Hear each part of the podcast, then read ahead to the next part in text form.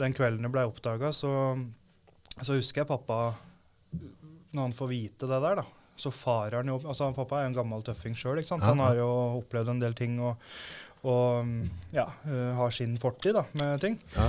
Og første reaksjonen hans, øh, reaksjonen hans var jo raseri så det holder. Så jeg husker bare at han, han øh, øh, farer jo opp, ikke sant, og ut av øh, han, han tar seg ikke bryet med å åpne entredøra engang. Han bare går tvers gjennom entredøra, så jeg bare husker at alt bare knuser. Ja.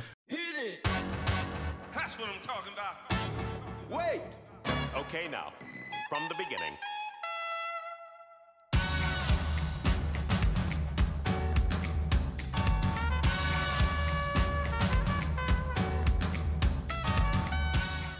Tre, to, én.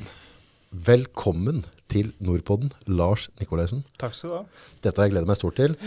Du har altså bachelorgrad i Sosialt arbeid heter det. Eller Sosio- sosionom. da. sosionom, det-. Ja. Ja. Men, eh, men historia di starta jo ikke der. Historia di starta med rett og slett overgrep som barn, Mm. kriminalitet, rus, og rett og slett ramla kraftig, kraftig ut av samfunnet på veldig mange måter. Mm. Hvorav du har bare snudd hele på huet. Tatt deg en ut av, ja. Ja. Mm. Og så har vi Team Up Helse, et eget foretak som jobber da med ungdom. Nettopp Gessel som deg sjøl, Mm. og hvordan nå ut til dem. Ja. Hvem er den, Lars? Ja, hvem er Lars? Det er et godt spørsmål. Det har jeg brukt lang tid på å finne ut sjøl òg. Dra med mikrofonen enda mer til sida der. Sånn, sånn, der, Ikke vant med dette. Nei, bare pek den innåt. Ja, nei, det er ikke noe kort og godt svar på det, egentlig. Jeg har brukt eh, ganske mye tid sjøl på å finne ut eh, hvem jeg er. For jeg har brukt eh, ganske mye av livet mitt på, på å være noen andre enn den jeg er, holdt jeg på å si. Um, men ja. Jeg vokste jo opp på Gjøvik, da. Mm. I en tilsynelatende hva skal jeg si, normal familie. I hvert fall sånn utad. Ehm, aktiv liten gutt da, som var nysgjerrig og likte å ut og finne på ting. Og Var det litt trøkk i deg? Liksom? Fart i deg? Ja, det var nok litt trøkk i meg. Ja. Jeg merka nok det ganske tidlig, at jeg hadde mye å, mye å gi. I hvert fall hvis du spør mora mi og sånn, tror jeg. Så ja, nei, jeg likte ikke å sitte i ro. Likte ikke å være inne, likte å være ute. Ja. Og det var jo ute da, som jeg kom i kontakt med, med han naboen da, som, eh, som eh, på et eller annet tidspunkt eh, begynte å utsette meg for seksuelle overgrep. Gammel var du da? Eh, begynte vel når jeg var fire. Faen, hva skjer i huet på sånne folk? Nei, det har jeg lurt på. Altså, Eh. har, har du, altså, har du, altså på bare, er det en sykdom? Er det bare clean fucking sprø i huet? Altså, er det, er det, sånn bare, er det sånn avlivningsmateriell dette her? Mm. Eller hva, hva? Og du får i hvert fall mye sjuke tanker, da.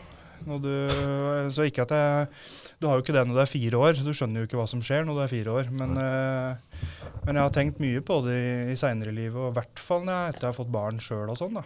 Så når jeg tenker tilbake på hva jeg ble utsatt for, og, og, og hva sånne mennesker er, så får du noen sjuke tanker. Men tror, tror, altså, på en eller annen sånn psycho way, tror du at de, at de på en eller annen måte har, at de rettferdiggjør det? Altså, tror de at dette er riktig, eller at det er ok? Altså, eller er det bare mean motherfuckers? Jeg veit vet ærlig talt ikke hva som styrer dem. Altså, jeg veit ikke hva som foregår i huet ditt. Det er så vanskelig for, for uh, normal altså, Jeg vet ikke om jeg skal kalle meg sjøl normal, Men uh, tilsynelatende normale folk, da. Rundt bordet her så er det Eh, normal. Rundt bordet her så er det normal. I selskap med deg så er det normal. så det er godt å kjenne på det òg. Ja. Ja. Nei, er- jeg syns det er vanskelig å, å forestille seg altså, hva som eh, foregår i huet på, på folk som klarer å gjøre sånne ting mot barn. Uh, jeg har enda ikke klart å, å liksom lande på et eller annet uh, forståelse av hva de tenker. Uh, skjønner ikke. Nei, og det er det som gjør at det hele blir så forferdelig ubehagelig, for det, du vet ikke hvem de personene kan være, altså det kan være hvem, hvem som helst. Og ikke, det er sånn, hvis, hvis du og jeg er helt uenige om en ting da, eller at, du gjør et eller annet på meg som jeg opplever som urett eller annet, mm. hvis jeg bare får, ja, Lars gjorde sånn og sånn, på grunn av det og det, så får jeg liksom hengt det på en knagg. Ja. Men det, der, det, det, det er ikke laget noen knagger for dette, kjenner jeg. Nei, nei, Nei? Ingenting. Svært lite. Eh, Og så, som du sier òg, eh, Tilsynelatende oppegående, normale folk da, som bor i et rolig, bra nabolag, liksom. Og denne fyren her var jo Han var fotballspiller og hadde livet på stell og sånn sett, da. Altså, han var ikke den der som drakk rødsprit og han er guffende fyren Nei, for det er mange som ser for seg en sånn derre tjukk, Pedo. gammel mann i helsetrøye som liksom er gris, liksom. Ja, det er jo dem som eh, skal ja. være pedo. Ja. Ja. Men uh, det var ikke det i det tilfellet der, og jeg tror, eh, jeg tror dette finnes i alle samfunnslag og i alle klasser og i alt som eh, er, egentlig. Så samme hvor du bor, så er du pokker ikke beskytta, liksom. Nei, det er ikke det. Groomer man deg, som de kaller det? Altså forberedt altså ble, ble du, For de sier jo det liksom at de kaster et nett inn, så strammer det inn, og så til slutt Mm. så fanger du deg inn, og så får du dårlig samvittighet, så føler du at du er delaktig, Mm. og så sier du altså, Det virker som de har et sånn jævla system å jobbe etter, så grisa. Hyggelig fyr, vet du. Og møtte meg liksom ofte på gjerdet. Og, og jeg sto ute ofte og drev med fotball og sånn, for jeg var jævlig glad i fotball. Ja. Og, og da han kom jo bort til gjerdet, kommenterte litt, er blid og hyggelig. Og, og det er alltid moro for et barn å liksom bli sett og bli bekrefta, og spesielt av eldre folk som liksom sier ja, kult og ja, Flink og ditt og flink og ditt og datt. Ja. Så, og det er jo ikke noe unaturlig å gjøre det. Altså det I utgangspunktet så er det ganske normalt for en nabo. Det er en positiv ting. Det er en positiv ting. Ja. Og, og jeg tenker jo at i, i gode nabolag og sånn, så gjør man jo sånn. Hvis man er ute og liksom møtes ved postkassa og, eller står og skravler litt ved gjerdet og sånn. Det er ikke noe unormalt i det. Nei. Og når du er fire år òg, så er du vel litt naiv og du, du, du, Du er barn, for faen. Du er barn, for faen. Ja, Ja. ja. Du, du er ikke, du er ikke utvikla nok til å tenke at det der er noe sketchy greier, liksom. Så Nei, vi holdt jo på. Vi, det vi prata om ting, og, og han, eh, han viste interesse, da. Eh, etter hvert så ville han jo eh, begynte han jo å be meg hjem, da. Eller opp til han. Og det gikk jo fortsatt ikke noe varsellamper med meg. Igjen, da. Barn, ikke sant. Eh, ja, bli med opp og skulle vise meg litt ting. Og han var jo hyggelig og blid, og ikke noe gærent med det, liksom. Så og han eh, inviterte meg opp. Vi drev og spilte litt fotball i hagen sammen. og sånn, drev vi ute med det, Og, og foreldra mine og de visste jo det. altså De så jo det at vi drev og spilte Han fotball var en i hagen. normal, fin Han fyr, var en normal, fin fyr. Han var ikke feiteggrisen i helsetrøya, Nei, var liksom. ikke det, vet du. Så jeg tror ikke foreldra mine tenkte noe over det heller. Um, men det gikk ganske kjapt, da, eh, etter at han begynte å invitere meg inn og sånn, til at det begynte å bli litt sånn ufyselig, da. Ja. Så um, For han hadde Han inviterte meg inn i huset, og så opp i andre etasje så hadde han et eh, rom. Ja. Um, og det rommet var jo helt fullt av porno. Nei! Og dette var jo eh, gamle Eller det begynner jo å bli mange år siden nå. 25 år siden, liksom. Ja, ja. Ja, mer enn det, òg. 30 år siden. Og, og det var jo sånn VHS-filmer og sånn, da. Så han hadde jo to fulle vegger vet du, med pornofilmer, sånne VHS-filmer fra gulv til tak, som han hadde fylt rommet med. Og jeg kom jo inn der som et barn og liksom Jeg tenkte nesten ikke over det engang, for du, du vet jo ikke hva det er. Du har, du, du har ikke peiling, ikke sant. Han har ikke tatt bien, og Nei. vi har ikke hatt den praten ennå. Nei. Nei. Men han begynte jo å sette på dette her, ikke sant. Og, og jeg husker jo Jeg ble jo stående der og liksom Hva faen Jeg, Hva er dette for? dette for noe, liksom? Det er nesten ikke så jeg husker det engang. Du er fire år, ikke sant. Ja, ja, ja. Men, jeg, men jeg husker at jeg liksom syntes dette var litt sånn ekkelt, eller noe jeg aldri sett sånn før. Eller visste liksom ikke Et eller annet som ikke var riktig? Et eller annet som ikke var riktig, ja. Så nei, han drev og viste meg de greiene der, og, og han greiv jo Han begynte jo Han kledde litt av seg. Han ville jo at vi skulle liksom ta på hverandre og masse sånne unaturlige ting. Jævla gris, og- Ja, jævla gris. Og, og jeg, jeg skjønner jo fortsatt ikke altså, Du har fire år, for pokker! Ja, det er fire. Og så er det noe med når du er liten, da, du, og så er det en sånn øh, voksen fyr som, som forteller deg liksom hva du skal gjøre og sånn. Det er noe i deg som bare gjør det du får beskjed om. da. Barn er vant til det, da. Ja, ja. Ja. Det er jo sånn du er oppdratt og sånn, til å liksom høre på de voksne og, og gjøre som du får beskjed om. da. Så er det nesten for tidlig for de voksne å begynne å advare en fireåring mot Mm. grisa òg. For du har ikke lyst til å altså, Det er ikke den samtalen du har lyst på den fire år gamle sønnen din. da. Nei, nei. For det, nå, La han få lov til å være litt uskyldig. Ja, ja. Ikke, ikke Nei, jeg, jeg Ja, du, du blir dratt inn i et eller annet som du ikke forstår, da. Og, og etter hvert òg, så noen liksom skulle begynne å ha meg til å kle av meg og sånn, Jeg husker den der, Du blir nesten sånn kald. Eller du blir sånn Du, du, du skal kle av deg for noen du ikke kjenner, og de tinga der. Så du, du har jo ikke kontakt med følelsene dine sånn som du har når du er voksen, men du, men du får en sånn følelse av at dette her ikke er greit. da, Eller dette her er ikke normalt, liksom. Så, men han, eh, han hadde det litt travelt, så det gikk ganske kjapt. da, så Vi måtte begynne å ta på han, og vi skulle ligge ved siden av hverandre uten klær. og, og ja, han søkte en eller annen sånn nærhet. og så i hans hode så starta sikkert det der som litt sånn det, nå skal bli, nå skal vi kose, og nå skal vi liksom eh, bli kjent, på en måte. Ja.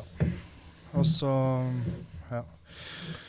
Og det eskalerte jo hele veien, da. Det eskalerte jo uh, til uh, jævla mye uhyggelig Det blei jo Han tvingte jo meg til å utføre seksuelle ting etter hvert, og jeg måtte utføre, og han skulle gjøre på meg, og, og så det ble ganske grovt da, etter hvert. Og, og det jeg kjenner, altså det er sånn, jeg blir helt kvalm når jeg tenker på det, liksom. For det, ja. Og han, han skjønner jo, han, at det her ikke er greit. Og han skjønner òg at jeg at det er en motvilje med eller motstand. Og jeg viste jo mer og mer motstand etter hvert. da. Ja, ja. Men, eh, men han var en uh, Han switcha fra å bli, være litt sånn hyggelig, blid, imøtekommende til å bli litt truende. Uh, sånn sakte, men sikkert. Okay. Og, og da blir du redd, da. Ja, han sier seg sjøl. Hadde nok en eller annen frykt hele tida, eller fra, helt fra starten av òg, at det var noe merkelig der. Men, eh, men etter hvert så utvikla seg til en sånn voldsom frykt. da. Jeg ble jo dritredd, da. For, eh, du må gjøre masse ting du ikke har kontroll over, og, og ja, du blir tvunget til noe du ikke vil gjøre, da. Og noe som du kjenner at ikke er greit, på en måte. Så, Jeg vet jo jeg, Det er lov av meninger, men i det du jobber med nå, så Hva skal vi gjøre med sånne?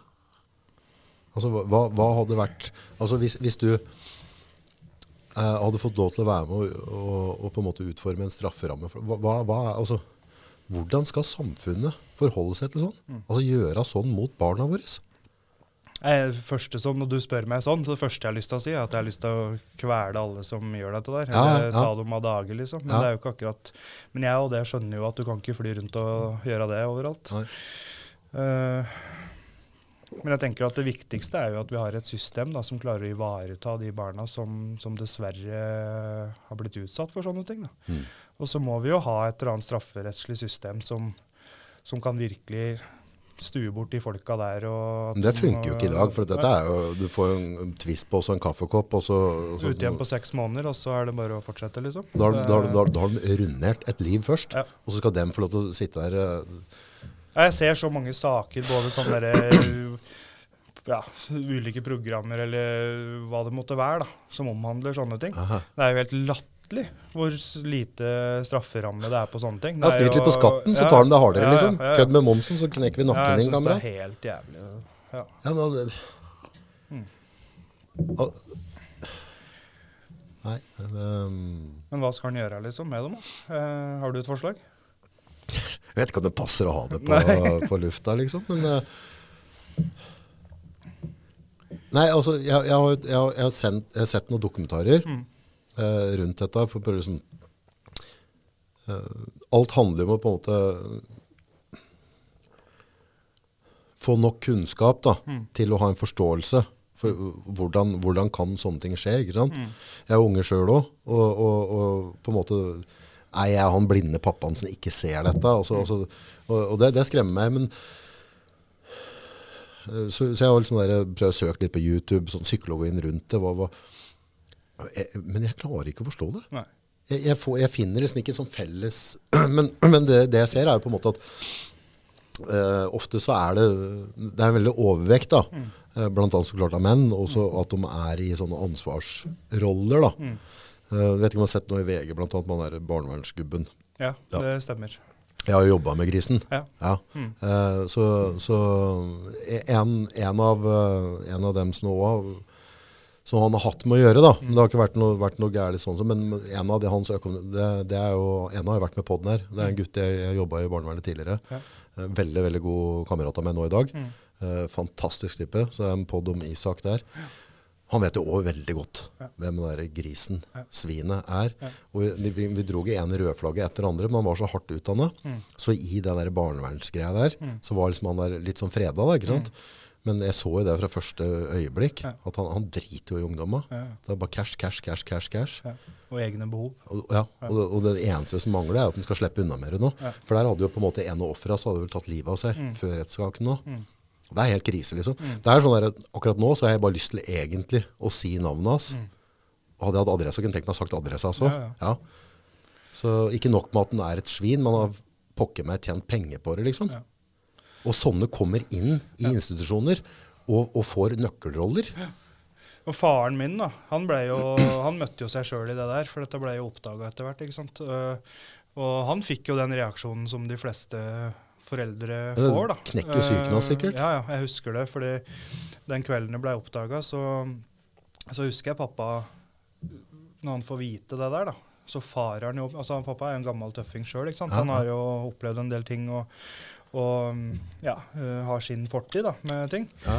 Og første reaksjonen hans, øh, reaksjonen hans var jo raseri så det holder. Så jeg husker bare at han, han øh, øh, farer jo opp, ikke sant, og ut av øh, han, han tar seg ikke bryet med å åpne entredøra engang. Han bare går tvers gjennom entredøra, så jeg bare husker at alt bare knuser. Ja. Og ut i gangen, ikke sant. Og han skulle opp og drepe han der fyren. Si seg sjøl. Ja, og mutter'n ikke sant, er jo, jeg var jo helt i sjokk da, for det, på den kvelden det her ble funnet ut og sånn. Åssen ble det funnet ut? Det var greia med Eller greia hvorfor det ble funnet ut, var eh, fordi at etter hvert eh, Det pågikk jo ukentlig med meg i nesten fire år. Fire år! Ja. Er det, Én gang i uka eller flere ganger i uka. Nei, slutt opp, da. Eh, og det, er, og det ja, er mange uker i et år, altså. Det er jævlig mange uker i et år, og jeg, dette var jo Det er mengder med overgrep. Ja. Og, greia òg er at du, du lærer deg liksom å øh, For du blir trua hele tida, da. Så du lærer deg til å liksom ikke Og du mister evnen til å prate om noe, egentlig. Fordi du er redd for å si noe gærent. Du er redd for å si noe du ikke skal si. For at du er redd for å bli trua på et eller annet. Ikke Ja, sant? ja. Og han, øh, han sa jo liksom at, øh, at det var jeg som kom til å bli skam, og at barnevernet kom til å komme og hente meg, og at, for, at jeg kom til å miste foreldra mine. Og på noen tidspunkt så hadde han jo kniv, ikke sant. Og, I huet mitt så henger jeg på en gallgallredd nå. Jeg Ja, hører grisen der, altså. Ja. Og, og etter liksom eh, overgrepet hadde foregått et års tid, da, så, så utvikla jeg en sånn der voldsom stamming. da. Så jeg klarte ikke å få fram et jævla ord. Og det handler jo om et eller annet traume, traumegreier Stoppa som det stoppa seg fullstendig. da.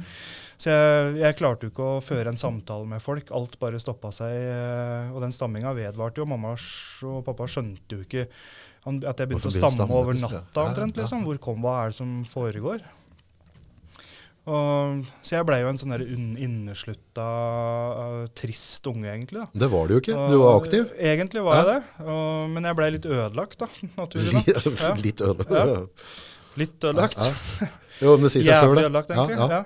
Men øh, øh, Ja, men den der følelsen av at det er alt mulig du ikke skal si, Mm. og den følelsen av at du ikke klarer å si noe heller. Altså Mm. Du mister språket ditt. da. Du klarer ikke å kommunisere. Og, og du har så mye inni deg som, øh, som er så vanskelig som du ikke klarer å finne ord på eller ha et språk for. eller noen ting. Og om du hadde klart å skulle si noe om det, så stammer du faen meg i tillegg, så du klarer ikke å få fram et jævla ord. ikke sant? Så du er fanga i Det var en sånn jævlig følelse. Det er en jævlig følelse. Men du prater om Så- hvordan, hvordan sprakk bobla? Nei, det var at uh, han, uh, han begynte å invitere Han skulle invitere broren min opp, da. Lillebroren min. Mellomste broren min. For da hadde han liksom holdt på med meg i fire år, da. Så jeg vet da faen, jeg. Begynte å bli lei meg eller et eller annet sånt. Så da måtte han ha noe Adde noe til det greiene der, da. Så han inviterte øh, broren min opp, og jeg husker at, øh, at øh, jeg og broren min øh, opp på det samme rommet, da, selvfølgelig, oppe i andre etasje der. Og så setter han meg inn på et rom, da. eh, og så gir han meg noen sånne blader, noen Donald-blader og sånn. da. Og så låser han seg inne på badet med lillebroren min. da. Og da kjenner jeg at eh, panikken begynner å ta meg. da. Uh, dritglad i lillebroren min ikke sant? og har levd i dette der i fire år nå, så jeg vet jo hva som foregår inne på det badet der. det, ikke sant? Så da skjer det et eller annet med meg. da. Så jeg, jeg går jo helt banana. Så jeg kjenner at jeg får sånn raseriutbrudd ut av en annen verden. Så jeg begynner å gå løs på døra til badet da, og Ja. lage et helvetes leven inn i rommet der og rive ned ting og panke i dører. Og. Så etter jeg holdt på med det en stund, da, så, så åpner han jo opp døra til slutt. da. Og da bare suger jeg tak i broren min og bare sier 'løp alt du kan hjem', liksom. Bare kom deg ut herfra. Og han gjør det, da. Men da er jo jeg igjen da med dette så jeg må jo, får jo gjennomgå, da, fordi at jeg sender broren min av gårde. da. Så han blir jo fysisk da, og truende, og han blir jo sikkert livredd ikke sant, for at broren min skal hjem og fortelle dette greiene. Mm. Han har ikke fått bearbeida broren min på samme måte som han har gjort med meg. Så han ble jo voldsomt sint, da, sikkert i frykt av hva som skulle skje. Ja. Uh, men etter han var ferdig med, med en runde med meg oppe der, da, så, så kom jeg med noe hjem til slutt. Og, og på kvelden så, så holder mamma på med kveldsstellet og sånn da, med småbrødrene mine. Og døra på badet står jo oppe. Eh, jeg sitter og ser på TV i stua og er anspent. da. Så klart. Da lever jo litt i meg gjennom dagen. Og, og så hører jeg liksom eh, Mamma sier et eller annet sånn 'Hvorfor gjør du sånn?' For da hadde broren min gjort et eller annet eh, med utstyret sitt som, eh, som ikke er naturlig å gjøre. da. Ja. Og så hører jeg broren min sier jo, fordi han ba meg om å gjøre det. Ja. Og da kjente jeg bare øh, Ja, det var så mye Jeg får gåsehud der nå, ja, kjenner jeg. Ja. Det gikk kaldt ned i ryggen på meg nesten. For da, jeg, altså, det var alt på en gang. da. Lettelse, frykt og ma masse på en gang som, som Hva skjer nå, liksom? Eh, nå, blir, nå kommer dette her ut. Uh, hva skjer med meg nå? Så må vi huske på, folkens, dette skjer inni en åtteåring. Ja, Ikke en 18-åring, en åtteåring. en åtteåring. Det er ikke normalt, dette, vet du. Mamma roper på meg, da. Begynner å spørre ut meg. Og det er den kvelden som jeg forteller uh, hva som har skjedd, da. Og mamma sitter jo igjen og blir jo helt fra seg, ikke sant. Naturlig nok. Og- Far din på tur gjennom døra uten å åpne Ja, han, eh, han eh, Etter hvert så roper jo han inn fra stua og lurer på hva som foregår inn på badet. Alle begynner å samle seg der. Og, og jeg tipper at mamma sikkert var redd for å si det til henne, for hun, hun kjenner han jo på en måte. Så, så det er den kvelden det blei ble oppdaga, da. Men det som Fikk far din tak i den, eller? Han eh, fikk ikke tak i den. For han, eh, mamma kasta seg på ryggen på han. Ja. Så hun, han slepte mamma oppover eh, nabohagen, holdt jeg på å si. Ja, ja. Og halve, jeg husker mamma bare skreik til pappa sånn derre Dette må du ikke gjøre, unga dine er ikke tjent med å ha en far i fengsel, og det finnes andre måter å løse dette her på. Så hun bare huja og skreik på han da, oppover der, og, og endte jo med at han stoppa halvveis. da. Så han eh, fullførte ikke fullførte ikke veien opp, da. Har grisen fått straffa si, da? Han øh, Ja, dette er litt sånn uklart, da. Fordi det ble jo satt i sving jævlig mye i familien, ikke sant. Og, og jeg havna jo på undersøkelser og, og BUP og alt mulig. Og den, den perioden der er litt sånn borte for meg. Og, Ja. og i tillegg så har det vært litt sånn øh, hva skal jeg si, ikke-tema i familien i etterkant. Det var veldig mye fokus på at jeg skulle få den hjelpa jeg fikk. Ja. Eh, og så er jeg litt usikker på hva som skjedde rundt meg, på en måte. Eh, men i, sånn i etterkant så har jeg jo Jeg veit at politiet veit det, og jeg veit at barnevernet har blitt kobla på, for han fikk jo egne barn og sånn. Så, så jeg, jeg veit at det satte i gang eh, mye rundt der, men jeg veit ikke straff eller hva, som, hva det endte opp med for han. da. Uh, Er det sånn noe du som rir deg at du kunne tenkt deg å vite, eller? Nei, egentlig ikke nå. Nei, det du er ferdig? Ja, jeg, f- ja, du blir aldri ferdig nei, med men- det, men, men eh, ferdig i den grad at uh, ja, jeg lar det bare ligge, for jeg veit at den har blitt fulgt opp, holdt jeg på å si. Og, ja. For en knallstart på livet var veldig bra. Du, altså, du, du begynner liksom med livets lære, at livet er ikke lett, og, og det er ikke bare, bare, ikke bare hygge her i livet. Men det, hva, hva jo, altså, jeg begynte liksom med, Hvem er en Lars? Ja. Ikke sant? Mm. Eh, og jeg skjønner jo det at, at det er ikke så lett å svare på det, for du må jo ta altså, Mm. Hvordan påvirka altså, klar, klarer du, Har du på noen tanke hvordan dette påvirka livet ditt? Jeg husker det. Altså alt uh, Altså um, Ja, jeg veit nesten ikke hvordan jeg skal forklare det. Jeg, jeg, du, du, du lever i et eller annet som du, du bare er til, på en måte. Det er, det er så mye vanskelig. og og besteforeldrene mine for eksempel, var jo alkoholikere, og det var en del støy der, så vi hadde liksom den biten. Ehm, Mamma og pappa sleit jo litt i ekteskapet etter hvert og ble jo skilt. Uh, og en skilsmisse er jo belastning. Selv om det ikke er noe uvanlig i dag, så er det jo noe med at utryggheten rundt det, på en måte.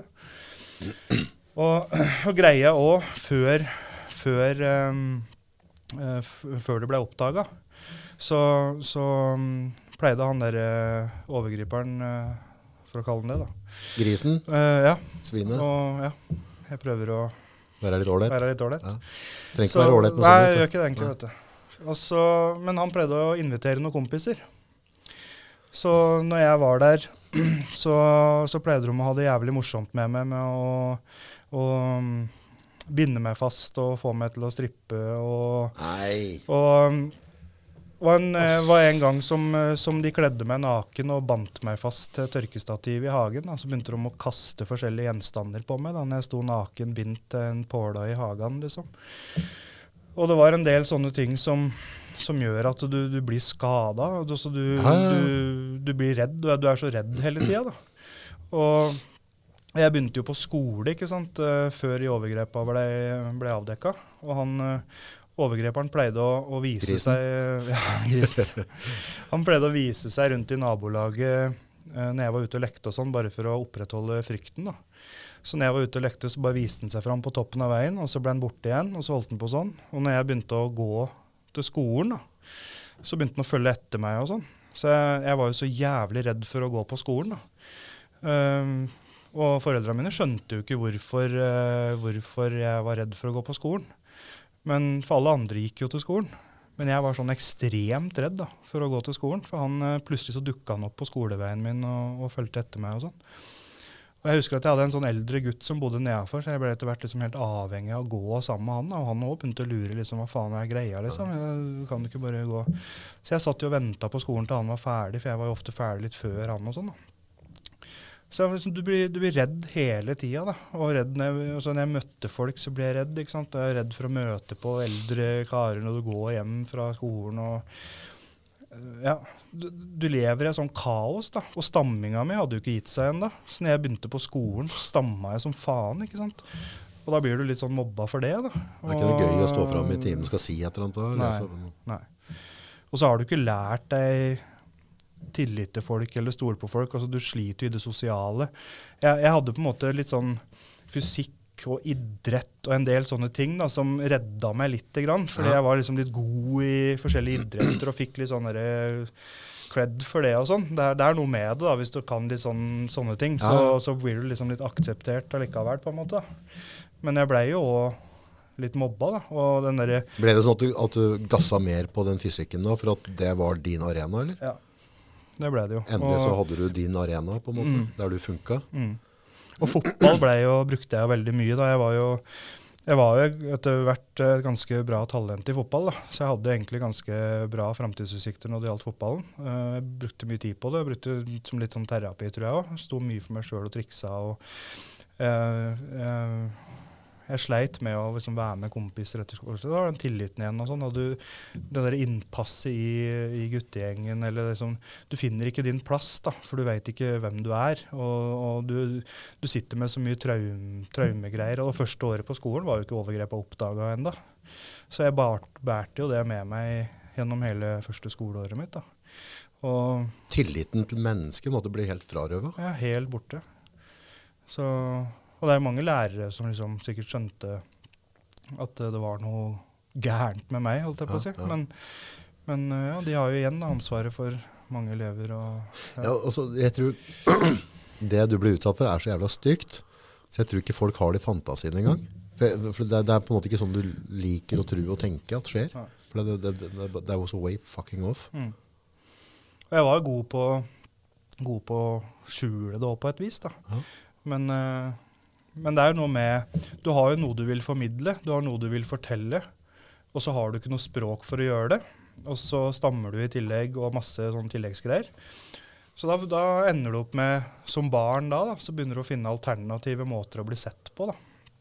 Og da, da begynte jo jobben med å liksom eh, hva skal jeg si, skifte identitet, eller bli en annen enn den jeg er. da. Jeg, jeg, jeg, jeg tålte jo ikke meg sjøl. Jeg, jeg, jeg hata alt ved meg, liksom. Hva er det du Eh, hata ved deg sjøl? Åssen jeg så ut, åssen jeg var. Og, og så selvbilde, sjøltillit var helt på bånn sånn over hele fjøla, liksom.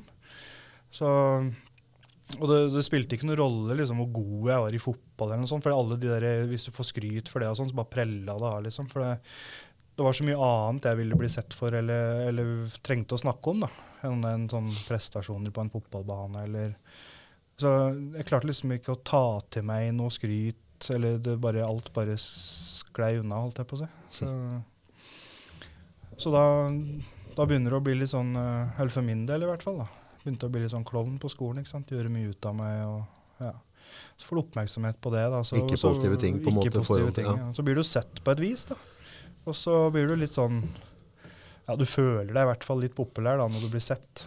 Men du Ble ble du litt uredd med tanke på at, uh, at du uh, var opptrent i å leve i frykt? Altså lærte deg å, uh, å, å takle frykt? da? At du kunne pushe det lenger enn andre, føler du? Jeg hadde i hvert fall jævlig høy eh, sånn terskel for smerte og sånn. Ja. For du har blitt utsatt for mye altså jeg ble jo, Det var jo vold og alt mulig inn i bildet. Så du blir ganske herda, da.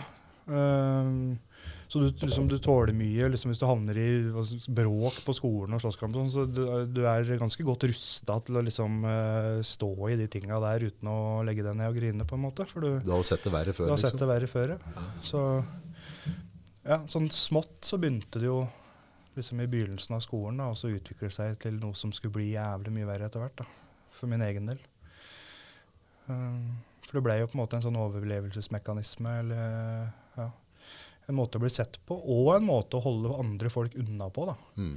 Fordi at hvis du, hvis du kaster mye skygge, gjør mye ut av det, og sånn, så, så gjenvinner du en eller annen kontroll, eller du styrer situasjonen på en eller annen måte. Ja.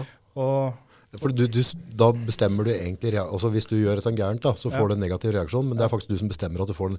Du selv om det ikke er en positiv, Mm. men du har kontroll på den Ja. situasjonen. For det er du som skaper den. Ja.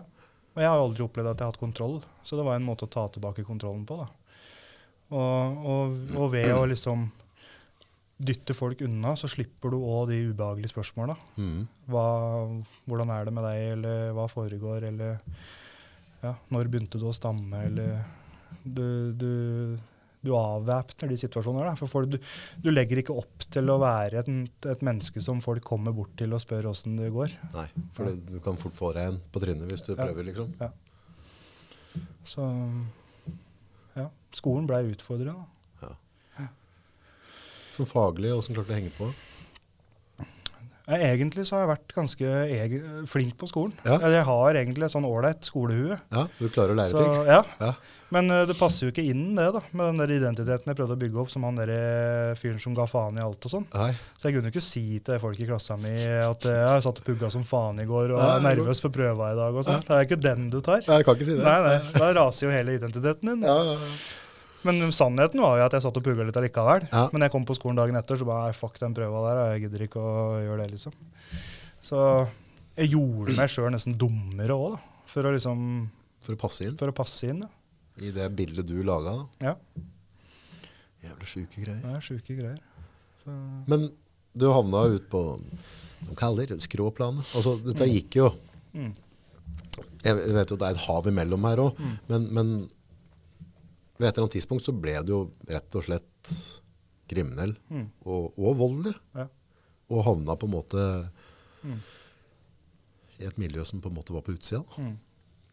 Hvor fort gikk det? Altså, når, når er det det på en måte begynte å For jeg skjønner jo nå, altså, Du har jo på en måte nå allerede begynt å kaste skygge, ha kontroll over reaksjoner rundt deg. Mm.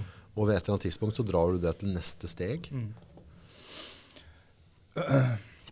Jeg gjorde det jo Begynte jo som smått hele altså Jeg begynte med litt kampsport ganske tidlig, og så begynte jeg å trene ganske tidlig. Bare for å Jeg hadde en sånn følelse av å, å uh, skulle bygge opp et eller annet så at folk ikke kunne gjøre meg noe med. Den kom ganske tidlig, egentlig.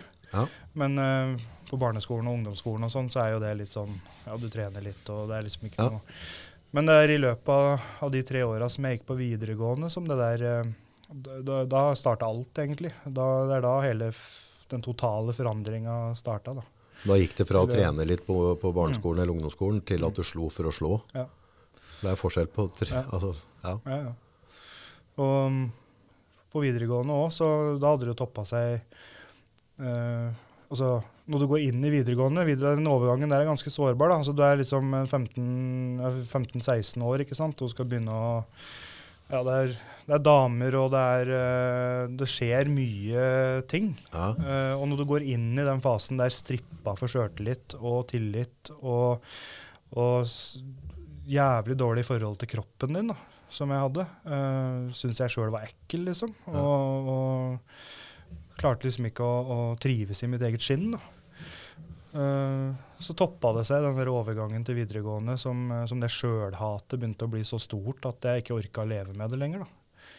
Så det begynte å komme veldig sånn dystre og deprimerende tanker. Og, og samtidig som du prøver å opprettholde en eller annen fasade. da. Eh, for jeg blei jo litt han derre etter hvert på videregående og sånn, han litt sånn morsomme, kule fyren som ikke hadde noe sperrer og liksom gjorde mye kult. og og ja, fikk mye oppmerksomhet på å være tosk, da, rett og slett. Er ikke det litt sjukt? For, altså, for din selvfølelse Mm. er liksom det er ekkelt, det er ikke bra, det er ingenting. Mm. Når du spurt noen av uh, klassekameratene, så er det, som, det er han der som er, har det som stål, Mm. som kan gå gjennom ild og vann. Det er no problem, altså Han tåler alt. Ja. Det er ingenting som knekker han. Mm. Men inni der så det er jo en vanvittig kontrast. Altså det Ja. du, det, Den karakteren du har bygd, Ja.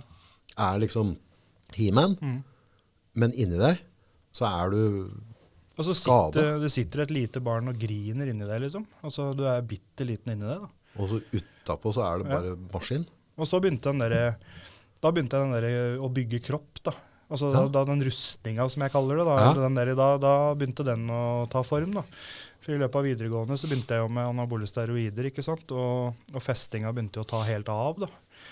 Og, og den der, de drøye tinga du gjør, begynner å altså du, hele, du, du kan ikke bare gjøre noe drøyt, og så er du han drøye fyren. Du må jo opprettholde dette her Må hele toppes. veien. Og det er det som er jævlig slitsomt å skal begynne å holde på med. Så må du overgå deg sjøl hele tida og sånn. Går det liksom, hardt ut tidlig, da, så blir ja, det skikkelig stygt. Ja.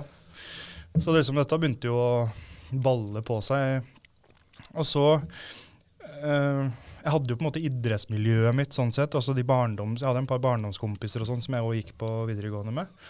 Og, men etter hvert som jeg begynte å liksom eh, bli hva skal jeg si, rastløs type, eller begynte å bli litt sånn ukritisk og, og ikke være, passe inn i den der A4-ramma lenger, så begynte jo de å bli skeptiske òg. Og begynte sånn smått å si til meg at eh, faen, du må jo roe deg ned, eller du må gjøre ting annerledes, på en måte. Og, men så begynte jeg å um, Nå hadde jeg liksom funnet litt sånn greia mi, da, følte jeg. Eh, Og så, og så i begynte jeg å oppsøke mye av det der, og det blir litt sånne klisjégreier òg, men, men du begynner å oppsøke de der miljøene som, som er litt utafor samfunnet. Og, og de som er litt eldre, de som har vært i gamet en stund, og de som og så er du nysgjerrig på ting, og så melder du deg sjøl inn i Går inn som lærling? Du går inn som lærling, ja. Ja. Og så, og så inn, inn der så utvikler det seg ganske fort, da. Det, det, ja. Jeg For de slipper deg til. Jeg snakker jo med en som sikkert vet litt om det. Ja, noe i hvert fall. Jeg har vært borte litt. Ja, Men der slipper du fort inn som lærling. ikke sant? De gir deg muligheter. inn. Ja. Og der handler det om å bevise. Ja. Men det som er greia der, da, det, det som jeg tror tiltrakk meg mest, er at der kunne du gi faen. Der spilte det ikke noen rolle hva jeg kom ifra. Og så Ingen dømte deg? Og, og, ingen dømte meg, og så slapp jeg å sitte der og snakke om følelser og alt. Så var det ingen som spør deg der om uh, følelsene dine. Nei, nei, Liksom. nei. Da, da passer du ikke inn der i det hele tatt. Så jeg kunne bare gi slipp på de tinga der. Da, gi faen i hele det der opplegget der. Så kunne jeg bare kjøre på og leve livet og, og gjøre akkurat hva vi ville hele veien. da. Og så er det jo ikke noe å få til i det miljøet der. Altså, Du trenger bare å være idiot, så er du i den du skal være, holdt jeg på å Ja, si. Så det er jo ikke noe Tjukkere hul er, bær er det. Ja, ja.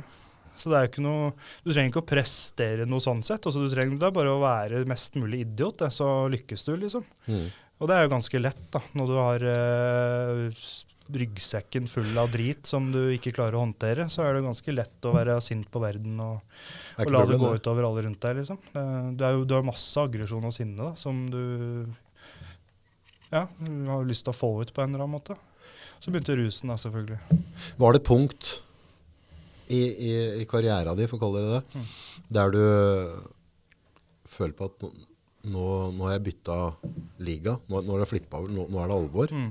Husker du, hadde du, liksom, hadde du en kveld, natt, dag, opplevelse etter hva som skjedde, som du bare kjente at nå, nå, nå, nå, skjer det ting her, liksom? Nå, har vi fra det liksom å, å bøffe en sykkel Ja.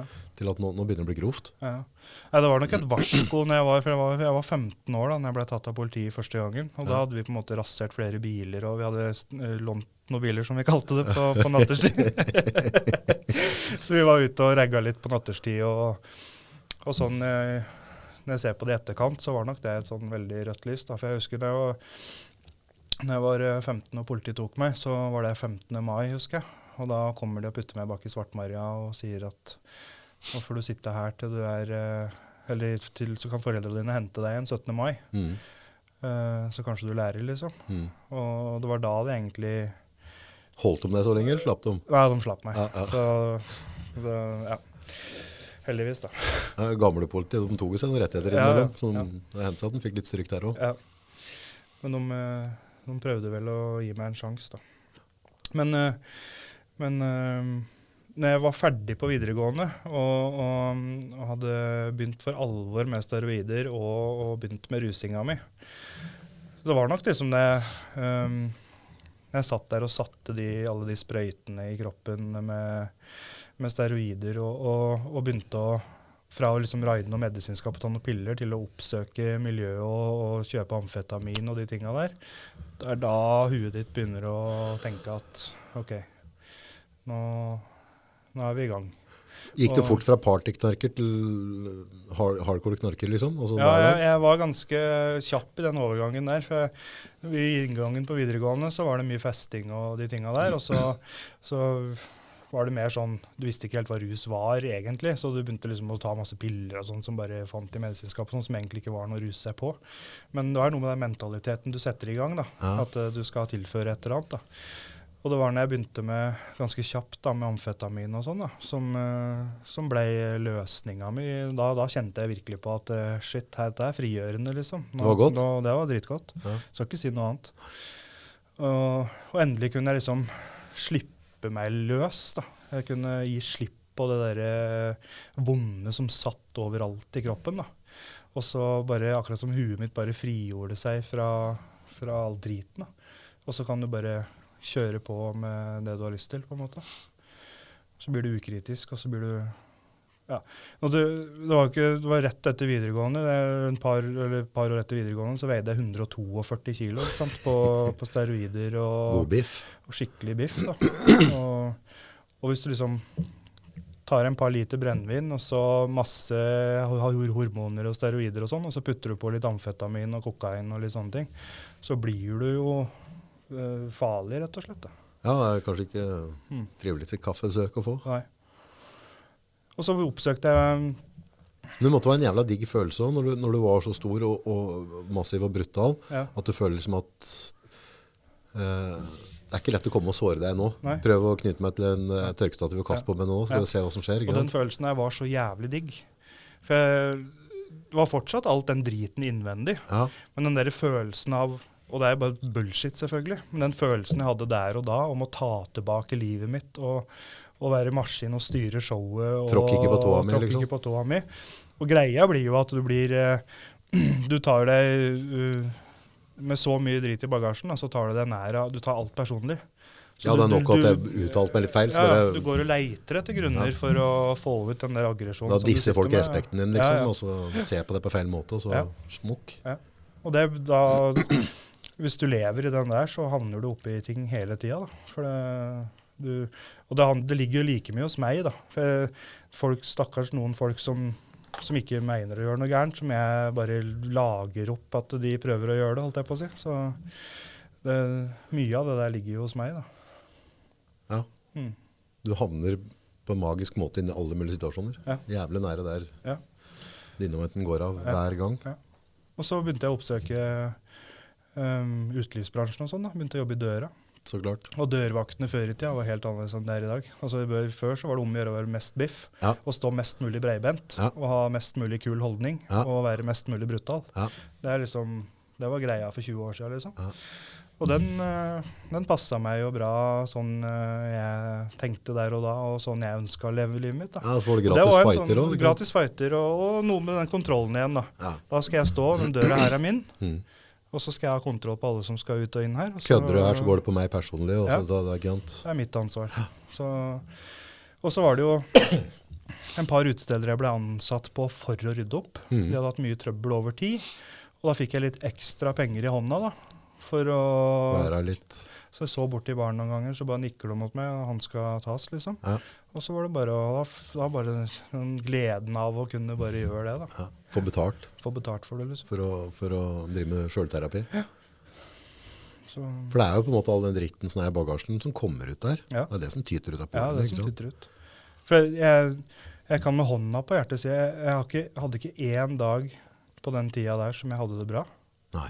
Jeg hadde det dritt hver eneste dag. Orka ikke å se meg sjøl i speilet engang. Og så du, prøver du å glette det over da, med å ta sol og bruke steroider og stå i døra og være fet fyr, liksom.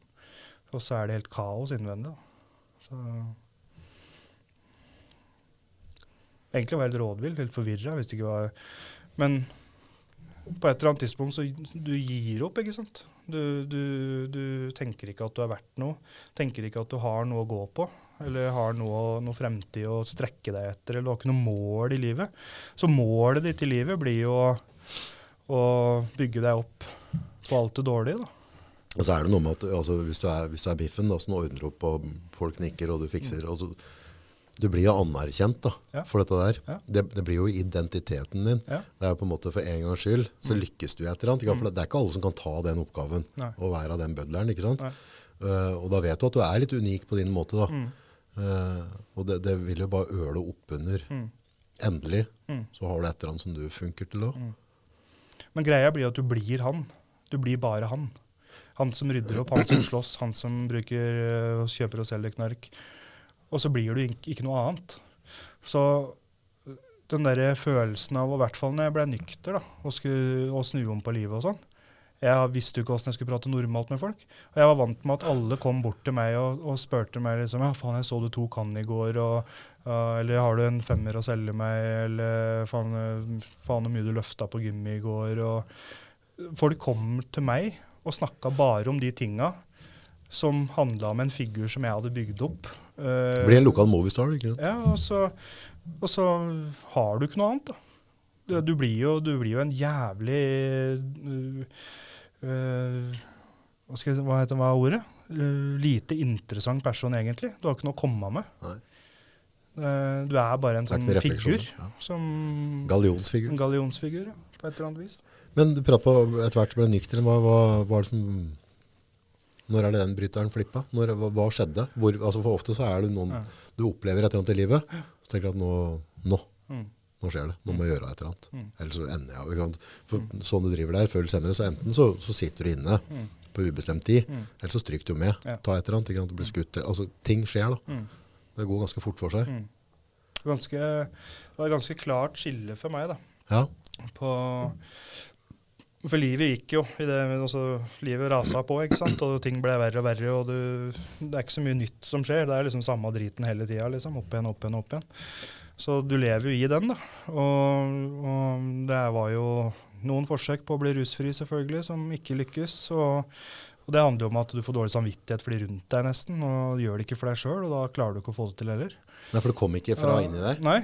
Det er liksom noen sånne svake øyeblikk, holdt jeg på å si, der jeg ønska å gjøre noe bra. da, eller Mora mi er jo lei seg og ble sjuk ikke sant, og, ja, av å ha meg som sønn. Så du øh, Og ut og inn av psykiatrien. da, Det var jo x antall ganger. da, Det, det er jo psykoser, og det er jo Og det, du ble såpass med knark at Ja, ja. du fikk det. Ja. Og hvordan, fikk du, og hvordan opplevde du en psykose? Nei, altså det var mange varianter av den, men, øh, men øh, jeg husker spesielt én gang da, som jeg hadde vært på tur i dagevis, holdt jeg på å si. Og så på sånn fjerde-femte dagen eller noe sånt, da, så hadde jeg dytta innpå en, øh, en neve med ecstasy på, etter å ha liksom vært på tur i dagevis. da. Faen for en sjakkspiller. Ja, veldig bra. Og så og, så, og så husker jeg at, det, at um, Jeg begynner å miste liksom virkelighetsoppfatninga. Du har gått uten søvn, du har putta innpå alt mulig annet rusmidler, og så fikk du litt eh, ekstra på, på den eh, femte dagen der. Og så kjenner jeg at, liksom, eh, at jeg begynner å svette noe så jævlig, og så begynner jeg å miste virkelighetsoppfatninga. Og etter hvert da, så får jeg det for meg da, at hjernen min uh, står i fyr. Så inni, inni hjernen min Så så, brenner brenner, det? det. Okay. Så jeg blir desperat da, For å slokke. slokke brannen. Og det er ikke så lett når brannen er inni huet på deg. liksom. Nei, nei. Så det det endte med, er jo at jeg står omtrent på henda og begynner å drive og stapper huet mitt i dass. Nei. Nede i dovannet for å slokke brannen i huet mitt og sånn. Og du er jo ikke Altså, når du står og prøver å slokke en brann i hodet ditt nede i dass, da Det går under psykose. Da går det under psykose. Ja, ja. Så døgnet der var helt forferdelig, husker jeg. Så Men tror, tror du, altså, eh, all din narkotikaen du, du kjørte på, lite søvn og sånne ting, jeg skjønner jo at psykosen kommer derfra, men tror du at de traumene du hadde tidligere, på en måte vikla seg inn i rusmisbruket? At, at på en måte er det som gjorde at du fikk så kraftige traumer? Ja, jeg, jeg tror at den, det levde i meg hele veien. Men jeg brukte stadig mer krefter på å holde det nede, fordi det ville gjerne opp og ut. Ja. Og jeg bare dytter det ned hele veien. ikke sant? Og det presser på, og det presser på, Og det presser på. Og da dytter du på mer rusmidler og mer rusmidler. Det er ikke så godt å slippe, altså hvis det er vondt nok da. Mm. Det er ganske vondt Mm. å åpne da og slippe det ut. Mm. For da, da skal du, altså plutselig er det på en måte matt i år Ja, med, med drit, og så skal du plutselig begynne, og du er vant til å bare, dette tenker jeg ikke på, push det ned, Ja. gjør ditt, gjør datt, Ja. Og så begynner, og så begynner det å, å, å pippe det ut. Alle det må steder. være jævlig vondt. Ja, ja. Og på nedturer og sånn, da, som uh, rusavhengige veit hva er for noe. Um, så da, da, har du ikke, da klarer, du ha, klarer du ikke å ha så god kontroll på tanker og følelser. Og på nedtur og sånn så tyter du ut. Så det, det ender jo med at du ligger i fosterstilling og, og har eh, selvmordstanker innimellom. Fordi du, du, du klarer ikke å holde styr på det når du er i nedtur og, og alt bare tar helt overhånd. Og, så jeg har hatt noen skikkelig mørke stunder altså, som, eh, som uh, kunne ha gjort at jeg ikke satt her i dag. Ja. Uh, som jeg har tenkt mye på, uh, på det med selvmord og sånn opp igjennom. Det, altså, og det, det folk må være klar over på en måte er når noen jævlig trist at folk velger å gjøre det. Mm. For det er som regel, altså vi ser på det nå i dag, det er en løsning, ikke sant? Ja, Eh, som vi kommer litt inn på senere, for da, livet ditt har jo forandra seg, for å si det sånn. Ja. Men, men, men når du går til det skrittet og, og vurderer kraftig liksom, på en måte det med selvmord, Mm. da har du det ikke bra, altså. Altså, altså da, da er det på tieren på skalaen på, på hva som ikke er ålreit. Ja. Og det var jo en eh, Jeg har jo en episode der hun, eh, hun saksbehandleren min i banken ringte psykiatrien pga. suicidale At hun var redd for at jeg skulle ta mitt, mitt liv. da. Ja. Uh, jeg husker Det, det havner en, en par dager i etterkant av, eh, av den endringa som du spurte om i stad. da. Den Ja. dagen som snudde litt for meg. Ja. um, jeg kaller det en dag, er kanskje litt Jo, jo, men, men periode eller eh, kapittel. Ja, ja, kapittel. Og så, for da var jeg i banken og veldig ille tilrett. da. Og da var liksom eh, livet um, Da var jeg helt nedkjørt og, og lei. Og da, da hadde jeg akkurat uh, sittet i varetekt og, og hatt en sånn uh, prosess på, på om jeg skulle prøve å endre på ting. da. Eh, men da gikk jeg i banken og, og var nok sånn øh, Om jeg ikke var helt i psykose, så var jeg i hvert fall ikke meg sjøl. Uh, og jeg begynte å gå i banken for å spørre om de hadde forsikringer som dekka sjølmord, og, og satt der og babla i vei om øh, å ta livet mitt og sånn. Og det endte jo med at hun som jobber i banken, da, ringte psykiatrisk og, og fikk meg dit, da, fordi hun var redd for at jeg skulle gå ut igjen av banken og ta mitt eget liv. Da. Ja. Um, og det var jo det var i den perioden som, som, ting begynte å, som jeg begynte å ta tak i ting. Da. Men det var jo en veldig klar uh, Du spurte i stad om den derre uh, Hva skjedde? Eller Ja, når ja. kom endringa, på en måte. Og det var jo en dag som jeg hadde vært i, i Oslo og henta masse narkotika. da Ja. som jeg skulle omsette videre, selvfølgelig. Så hadde jeg eh, bilen full av det og, kom til Gjøvik igjen. Og så hadde jeg to bikkjer på den tida der. da. To Ja. sånne svære mastiffer, selvfølgelig. Det Ja, ja. hører jo med. Gullkje, mastiffer, rumpetaske. Og eh, de bikkjene hadde stått eh, hjemme da, fra dagen før. Og jeg hadde jævlig dårlig samvittighet for at jeg måtte lufte de. da. Og, og, men så visste jeg jo jeg, jeg, jeg dro aldri hjem med penger og dop, Nei. sånn sett. Eh, det var alt i meg, bare ikke dra hjem. Ja. Men så endte det med at "Ja, faen, jeg tar fem minutter og bare lufter de bikkjene. Og så dro jeg hjem da, og gikk ut med bikkjene og ned veien og opp. Og når jeg kommer oppover da, så bare spruter da politifolk eh, ut fra alle hagene til naboene. og og jeg tror det var 16 politifolk eller noe sånt, med skjold og bevæpning og sperra hele nabolaget og plomberte hele huset til pappa, for pappa hadde et sånn leilighetskompleks, eller barndomshjemmet mitt han bygde om til leiligheter. Mm. Så han plomberte hele det huset, og det var ja, ordentlig oppstyr i det. Hele nabolaget ble sperra, liksom. Og de omringa meg, da, og, og de var jo litt sånn skeptiske, da, for jeg hadde jo en historikk som, eh, som uh, gjorde at de tok sine forhåndsregler, da. Ja. Men da var jeg så nedkjørt og sliten, og hadde vært på kjøret i lang, lang tid, og alt begynte å gå nedover, så jeg, jeg ga litt opp, da. Uh, Så de det endte jo med at de arresterte meg den dagen, da, og, og satte meg i varetekt. Og når jeg satt i den varetekta, fordi de arresterte alle som var i huset der òg, bare fordi at de var i det huset som jeg hadde vært. For good measure. Ja, Ja. og det var jo folk som ikke har fått en parkeringsbot før, ikke sant? Som, ja. ja. Og familie og i det hele tatt. Så jeg husker jeg satt hele natta og hørte på gråt og skrik og redsel og frykt fra de cellene rundt meg, da, med uskyldige folk da, som satt bura pga. meg. da. Ja. Og jeg husker jeg bare satt der i bar overkropp, svett som et helvete og helt nedkjørt. ikke sant?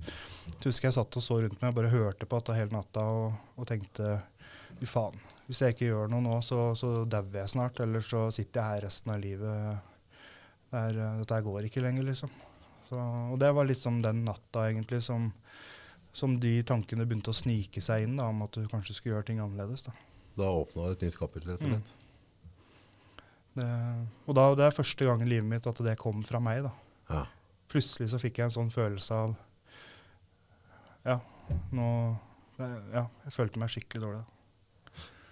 Vi, vi er fortsatt på, egentlig bare på overflata av hva du har opplevd. Mm. Uh, så vi kan sikkert ha mange eh, litt røverhistorier som kan være morsomme å høre på, eller interessante. Mm. Men, Jeg er ikke så opptatt av dem, jeg. nei. Men, men når du ser på en måte det du hadde bak, da. Mm.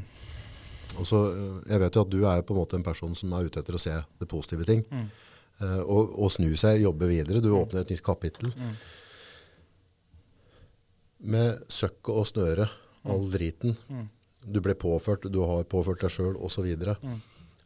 Føler du at det er med å gjøre at du er den personen i dag på en måte som du ikke hadde blitt hvis du ikke hadde opplevd det? Ja.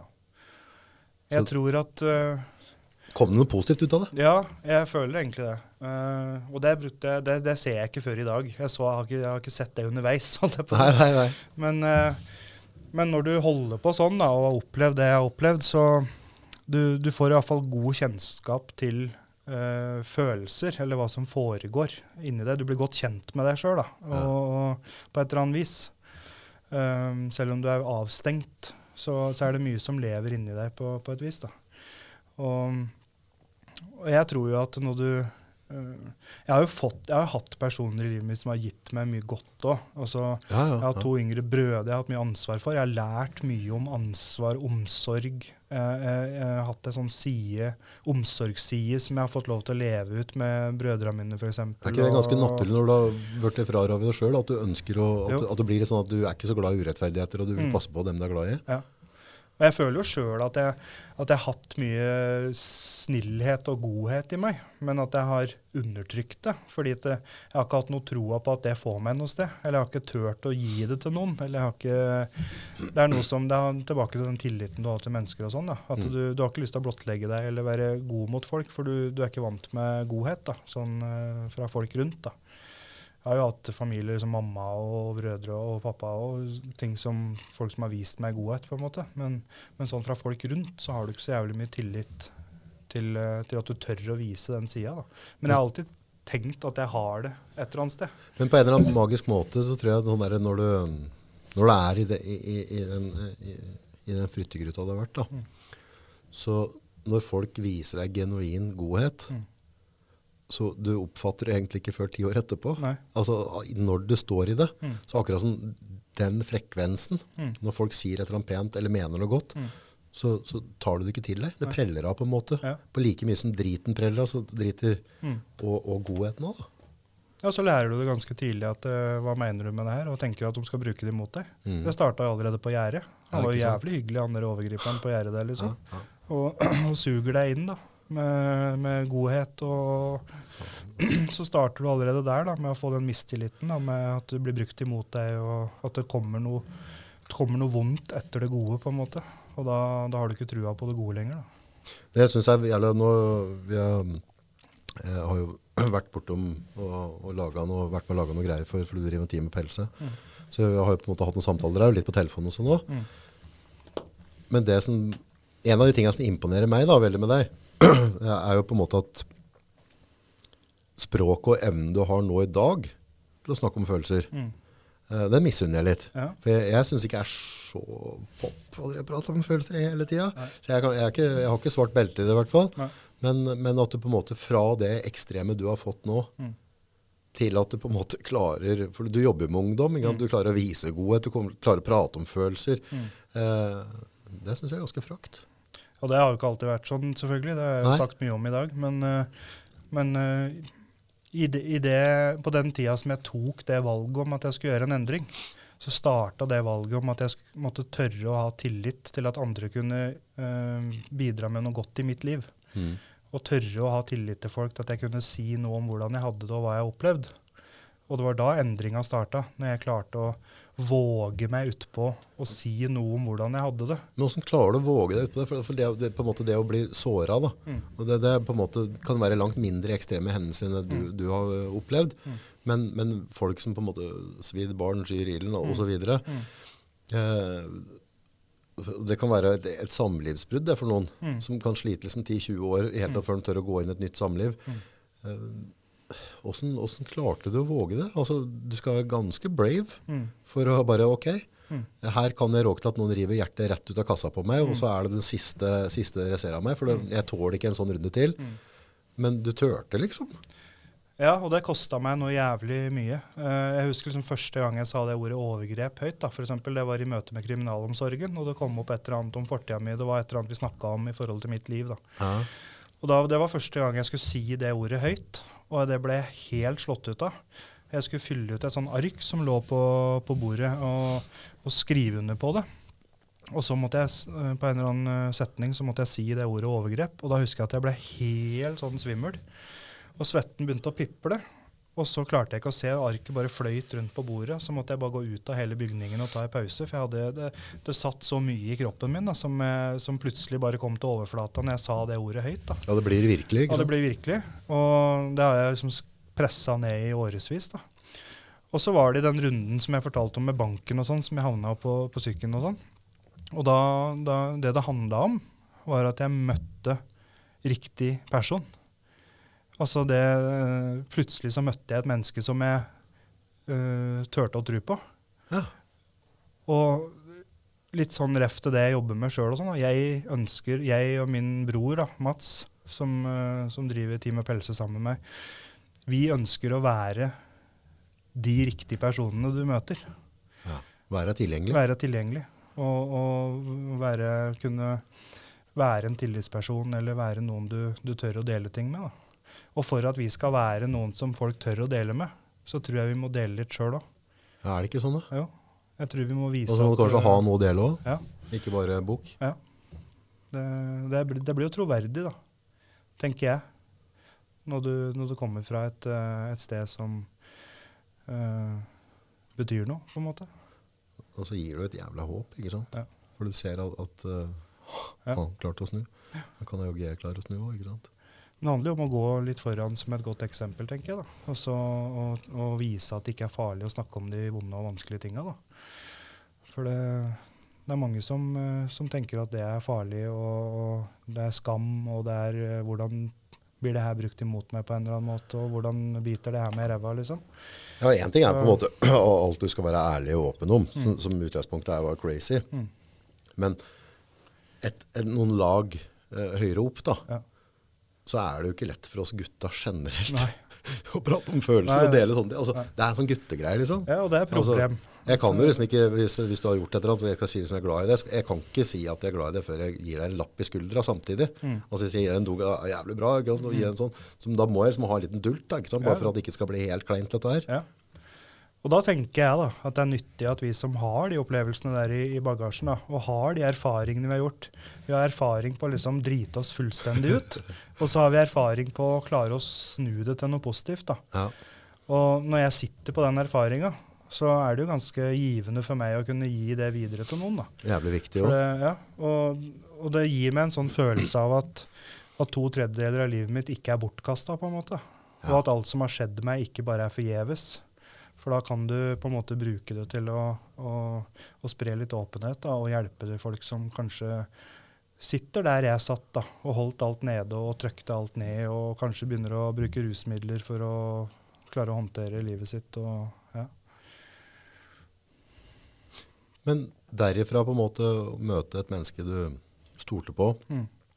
Begynne å åpne seg, og så bare Jeg kjenner jeg blir bare klam i hendene bare å tenke på det. ikke sant? Det, bare, det, altså, det er ganske det er, altså, det er kraftig, altså. Det er kraftig å, å, å ha baller nok til å gjøre det. Mm. Men derifra til å begynne å jobbe deg inn i at du faktisk skal jobbe med barn og unge. Mm. For nå jobber du i en type barnevernsgreie. Jeg jobber med barnevernet og, og frivillig, altså rus og rusomsorg og, og altså psykisk helse. Og, Ja, Pluss at du drev av team med pelse, da. Men åssen gikk den veien da? Altså, ble du trudd? Altså, for det, for det, du, du, altså, du, er tatovert i ansiktet, du er en diger gubbe, du har en, en eh, kraftig, nasty eh, bakgrunn. Eh, Jeg kjente veldig på det i begynnelsen. Jeg følte at jeg starta på minussida, så jeg måtte begynne å prate fortest mulig. For jeg, jeg opplevde at hvis noen folk møtte meg, så ble det litt sånn. Og så måtte jeg prøve å være mild i øya og begynne å prate fortest mulig, sånn at folk skjønner at dette her er Nei, han er ikke her for å rane meg, liksom. Han, eh, Han skal han ikke har, kreve eh, noe penger nå. Nei, nei. Så og den, den, eh, den kjente jeg litt på i begynnelsen, men nå har det blitt litt, nå tenker jeg ikke så mye på det lenger. Men det jeg var veldig bevisst, for jeg var vant med at folk skygga unna eller kryssa gata når jeg kom og sånn. Og, og den følelsen er litt vanskelig å skal omsette til å skal sette deg ned og, og prate med folk og sånn.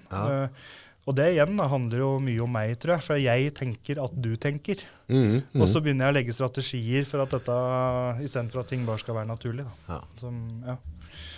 Hvordan gikk den prosessen? da? Altså, når, når er det du bestemte deg liksom, for at jeg har uh, en stor del av livet mitt, så har jeg fått en masse erfaring, Mm.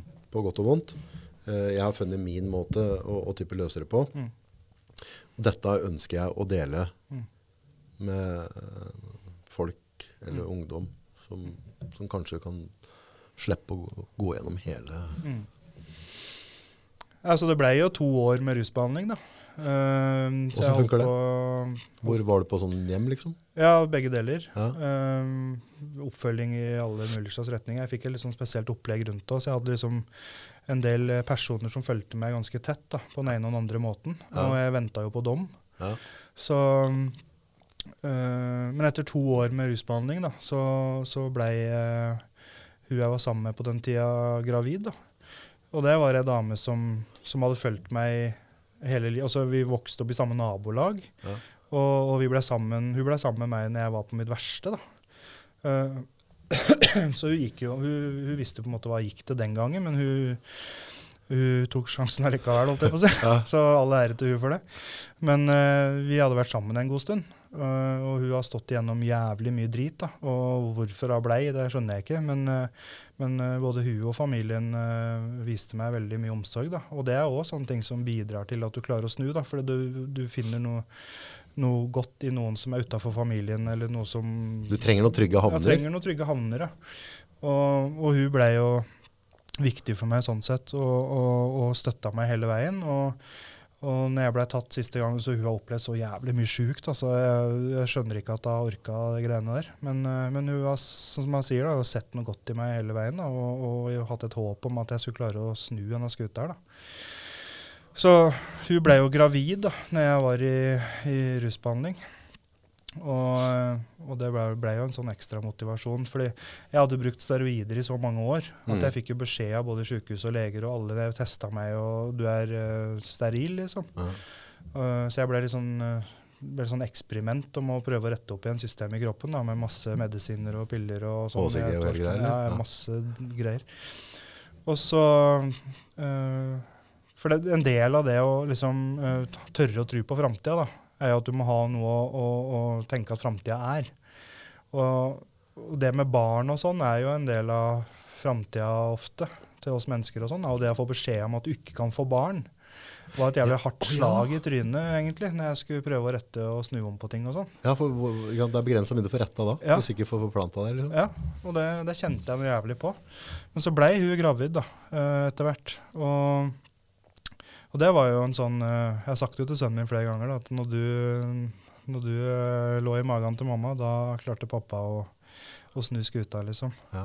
Så det, det er litt av din fortjeneste òg, pleier jeg å si til sønnen min. da. Jeg har jo fått fire barn etter hvert, altså så jeg har jo en flokk. Men, eh, men i den perioden så var det, var det en eh, bra motivasjon å, å dra med seg, da, samtidig som mye annet. Hva syns ungene om at pappa har vært kokos? Nei, de er eh, Jeg har vært veldig åpen da, Ja. med ungene mine hele veien. Jeg tenker at vi kommer lengst med det, for jeg har lyst til å lære ungene mine også at det er greit å prate om ting. liksom. Og jeg, jeg syns det er bedre å prate og ha de nære samtaler med barna mine Uh, uten at de skal høre det fra en eller annen far i klassa, eller uh, For det, er ikke så, verden er ikke så stor. Ikke veldig. Så når du driver med så mye rart, så, så er det rart om det ikke dukker opp, tyter ut et eller annet sted. Så jeg er liksom, men de er, eh, de er bare jævlig nysgjerrig og, og spør, og de graver, og vi har fine prater rundt det, altså. Så, men eh, de blir litt sånn såre innimellom òg. Liksom sånn eh, Ja, masse følelser, dem òg. Ja. Så begge deler, men jeg tror det er positivt. da. At vi, jeg, leverer jo ikke fra meg alle detaljer og nei, hva jeg driver med, men, men de har en forståelse av, av hva jeg kommer ifra. da. Og det var litt sånn kult når sønnen min uh, var på skolen en dag, det er ikke mer enn et par uker siden, så, så hadde det vært en sånn runde i klassa på hva driver faren din med. Hæ? Og da hadde sønnen min uh, fått det spørsmålet, da, og han sa det er litt vanskelig å forklare hva pappa driver med, men han driver og hjelper folk og, og ungdommer. Og, men hvis du setter på det intervjuet, og så hadde han vist det sånn, Vi har gjort et sånt intervju med The Human Aspect, da, Ja. som jeg forteller om livet mitt. Og da hadde han veldig lyst til å vise det til læreren sin, så læreren hadde satt på det i klasserommet. Så fett. Og, og, og sønnen min var uttrykte at han var veldig stolt av pappaen sin. Med at hvis du vil kjenne eller vite hva pappaen min driver med, så se på dette her. Og By the way, så er det en million avspillinger på det intervjuet? det er en million avspillinger, ja. Så Ja. det er blitt ganske populært, det intervjuet. Men eh, det fortalte han meg på vei hjem, da, og jeg kjente tårene bare Ja, pressa på. jeg kjenner jeg blir litt sånn her nå. Ja. Det er snart jeg må slå deg i skulderen. Ja. han liksom sa dette, han var eh, Han gjerne ville vise det da, til læreren sin, og jeg kjente at liksom Han uttrykte at han var veldig stolt av pappaen sin, da, som hadde klart å komme hit jeg var i dag. Da. Og det, det gjør noe med deg, da. Det er ikke bare bare å snu ei skute, vet du. Nei, det er ikke. Så Det krever sin mann eller kvinne, det. etter to år med rusbehandling, da, så, så søkte jeg meg på høyskolen. Da. Så da var det kapittelet i gang med skolegang. Og behandlerne mine sa jo råda meg til å vente, for de sa du har altfor mye i sekken din. Du må, du må, du må lære deg å leve, også du må få det, ting litt på plass før du begynner å skal ta utdanning og alt. Men, men jeg er litt sånn full gassfyr, da. Ja. Det er alt eller ingenting, liksom. Ja, jeg, jeg gadd ikke å sitte og hvile på laurbæra. Nå hadde jeg bestemt meg, så da måtte jeg smi mens jernet var varmt. Da. Ja. Så da begynte jeg på, på høyskolen. Det var jo drittskremmende i seg sjøl. Å gå inn der eh, sammen med de der ordentlige, vanlige folka. Kommer du med tatto? Ja, fy faen, altså. Jeg hadde Du ble sett på da? Ja. Jeg kjente liksom, når jeg kom inn første skoledag, så møtte jeg en i trappa som det første jeg gjorde da når jeg kom inn. Han fløy Ja, andre veien, liksom? Nei, han gjorde ikke det heller, men han visste hvem jeg var. da. Ja. Så han lurte, han så, jeg husker han sa til meg hva faen er du gjør her? Liksom, er det noe samfunnsstraff, eller skal du vaske trappa her? eller hva er det der? Jeg bare, nei, jeg tenkte jeg skulle prøve å gå på skolen. da. Så, og kom ikke inn der med veldig høy sjøltillit og, og, dritsvett og angst. og... Men jeg blei jo en sånn litt sånn interessant fyr da i klassa. Ja. Folk lurte på hva faen dette var for noe som kom rekende inn døra der, liksom. Ja, ja. Og ser ut som et helvete. Og, ja. Så det blei litt sånn På en måte var det jo bra, da, for da jeg sto ute og tok meg en røyk, så kom jo folk i klassa mi bort og var nysgjerrig. da. Så jeg kom jo ganske kjapt inn. Men jeg måtte ta noen eh, reale valg, da. For eh, før så har jeg alltid gått etter de som fester, de som uh, Ja. De, ja.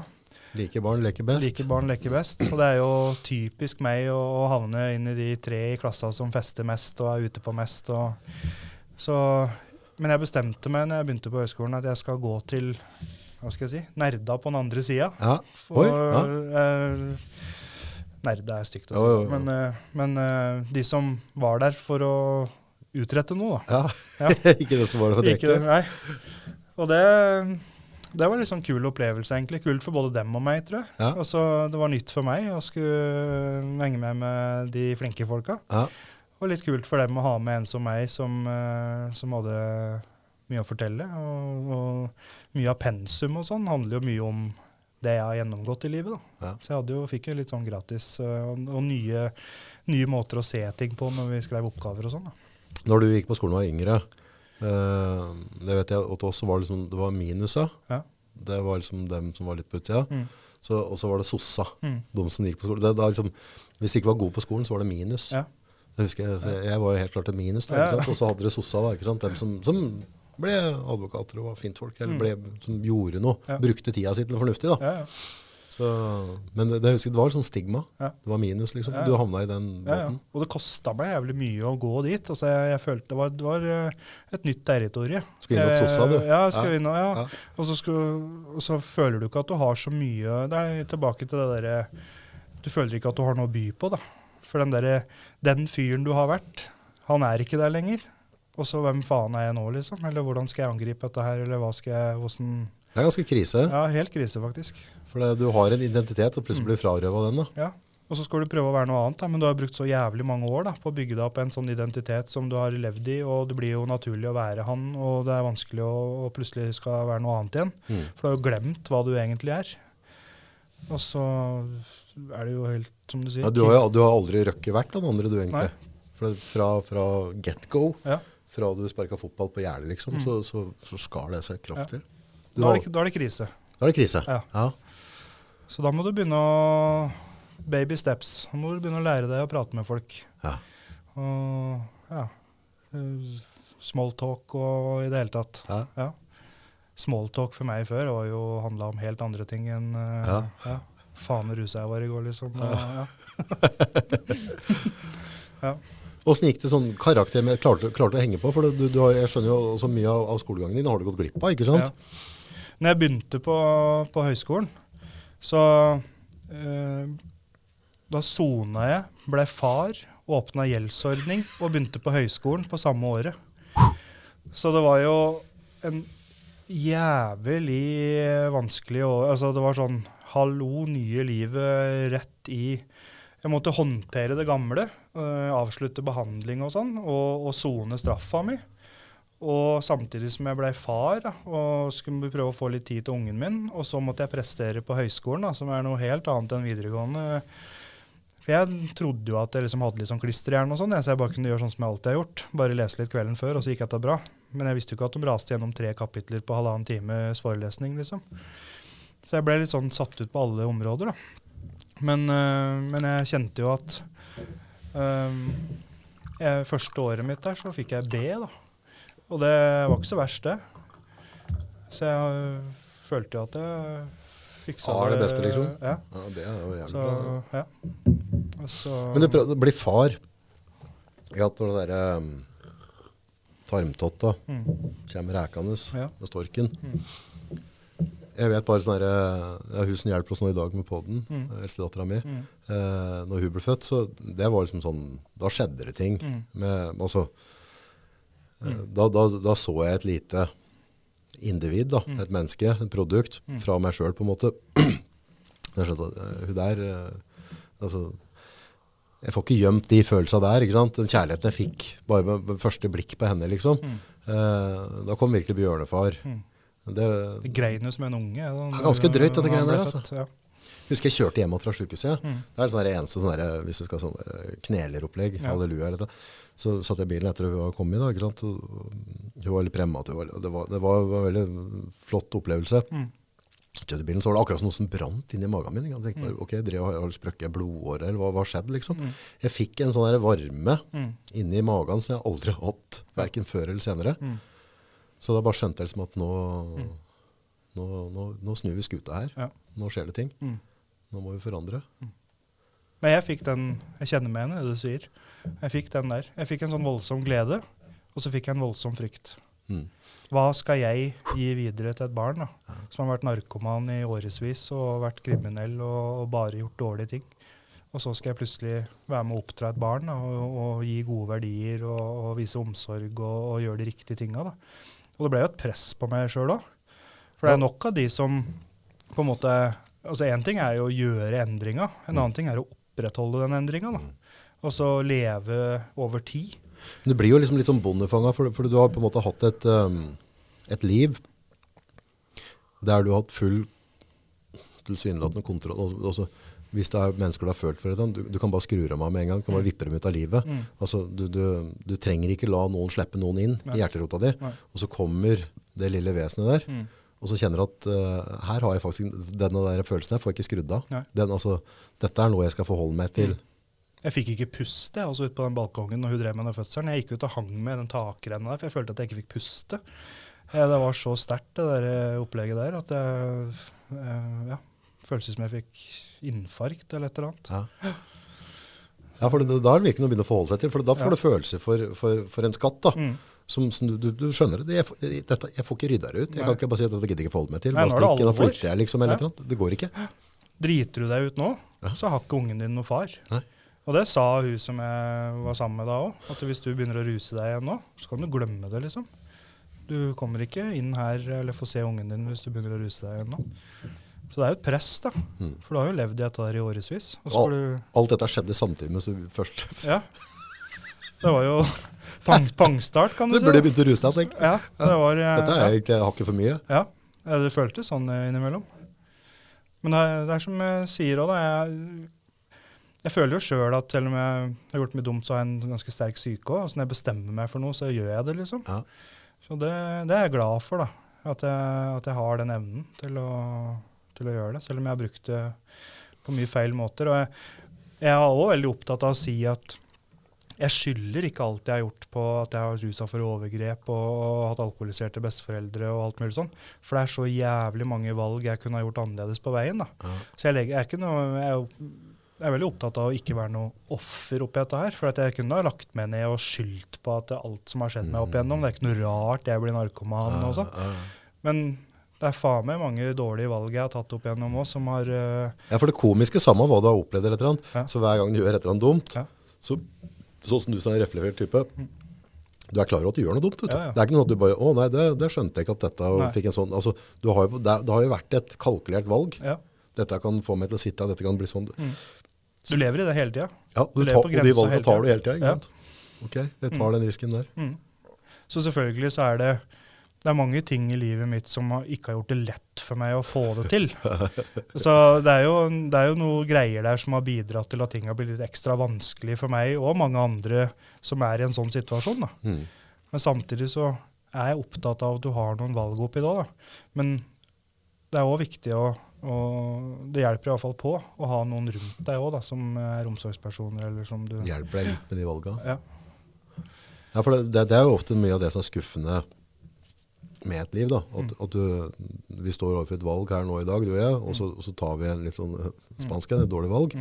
Begge to er klar over at, øh, at dette her er liksom sånn, dette er kaffe, twist og god bingo, om dette går greit. Så får vi baksida av medaljen.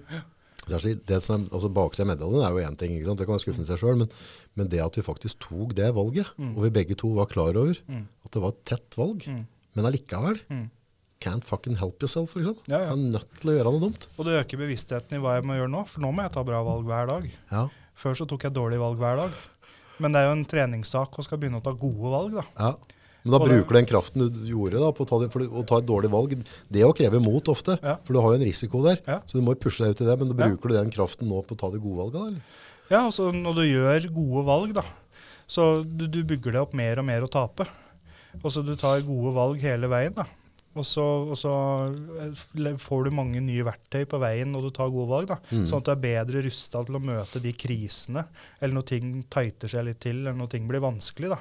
Så har du gjort gode valg over tid og har blitt sterkere og tryggere i deg sjøl. Og da klarer du på en måte å møte motgangen på en helt annen måte enn du gjorde før. da. For da var det bare å stikke av eller ruse seg eller gi faen på en eller annen måte. Altså Før når du gjorde dårlige valg, da, så, så var det på en måte ok, du får straff for det dårlige valget, men hvis du Mm. gjør et dårlig valg nå i dag, så river det ned mange år Ja. med gode valg. Ja. For, for da er right, da, da, I samfunnet så blir du dømt tilbake. altså Da, er det tilbakestilt. Men før, så hvis du gjorde dårlig valg, så var det på en måte bare konsekvensen av det dårlige valget. For da hadde du bare en lang rekke med dårlige valg bak Mm. Deg. Men nå er det masse gode. Ja. Driter du ut nå i dag, back to basic. Og veien tilbake er sykt kort. Også der kan du, jeg, jeg kan gå ut døra her etterpå, jeg. og så kan jeg ta et dårlig valg. Og så er jeg rett tilbake til der jeg var for 15 år siden. Tenk på det. Så Det er ansvaret bare på skuldra, det òg. ja, det er noe å være bevisst. da. Og det er jo, det er jo derfor vi starta opp det vi gjorde nå med Time pels og sånn. For å kunne gi videre av den erfaringa her, da, og, og gi de verktøya. da. Men hva er teamet Pelse? Hva, hva, hva er greia? Altså, jeg har jo jobba nå, for etter jeg ble ferdig utdanna, så har jeg jobba liksom i den bransjen der med, med ungdom og, og barnevern og rus og psykiatri og sånn i, i noen år nå.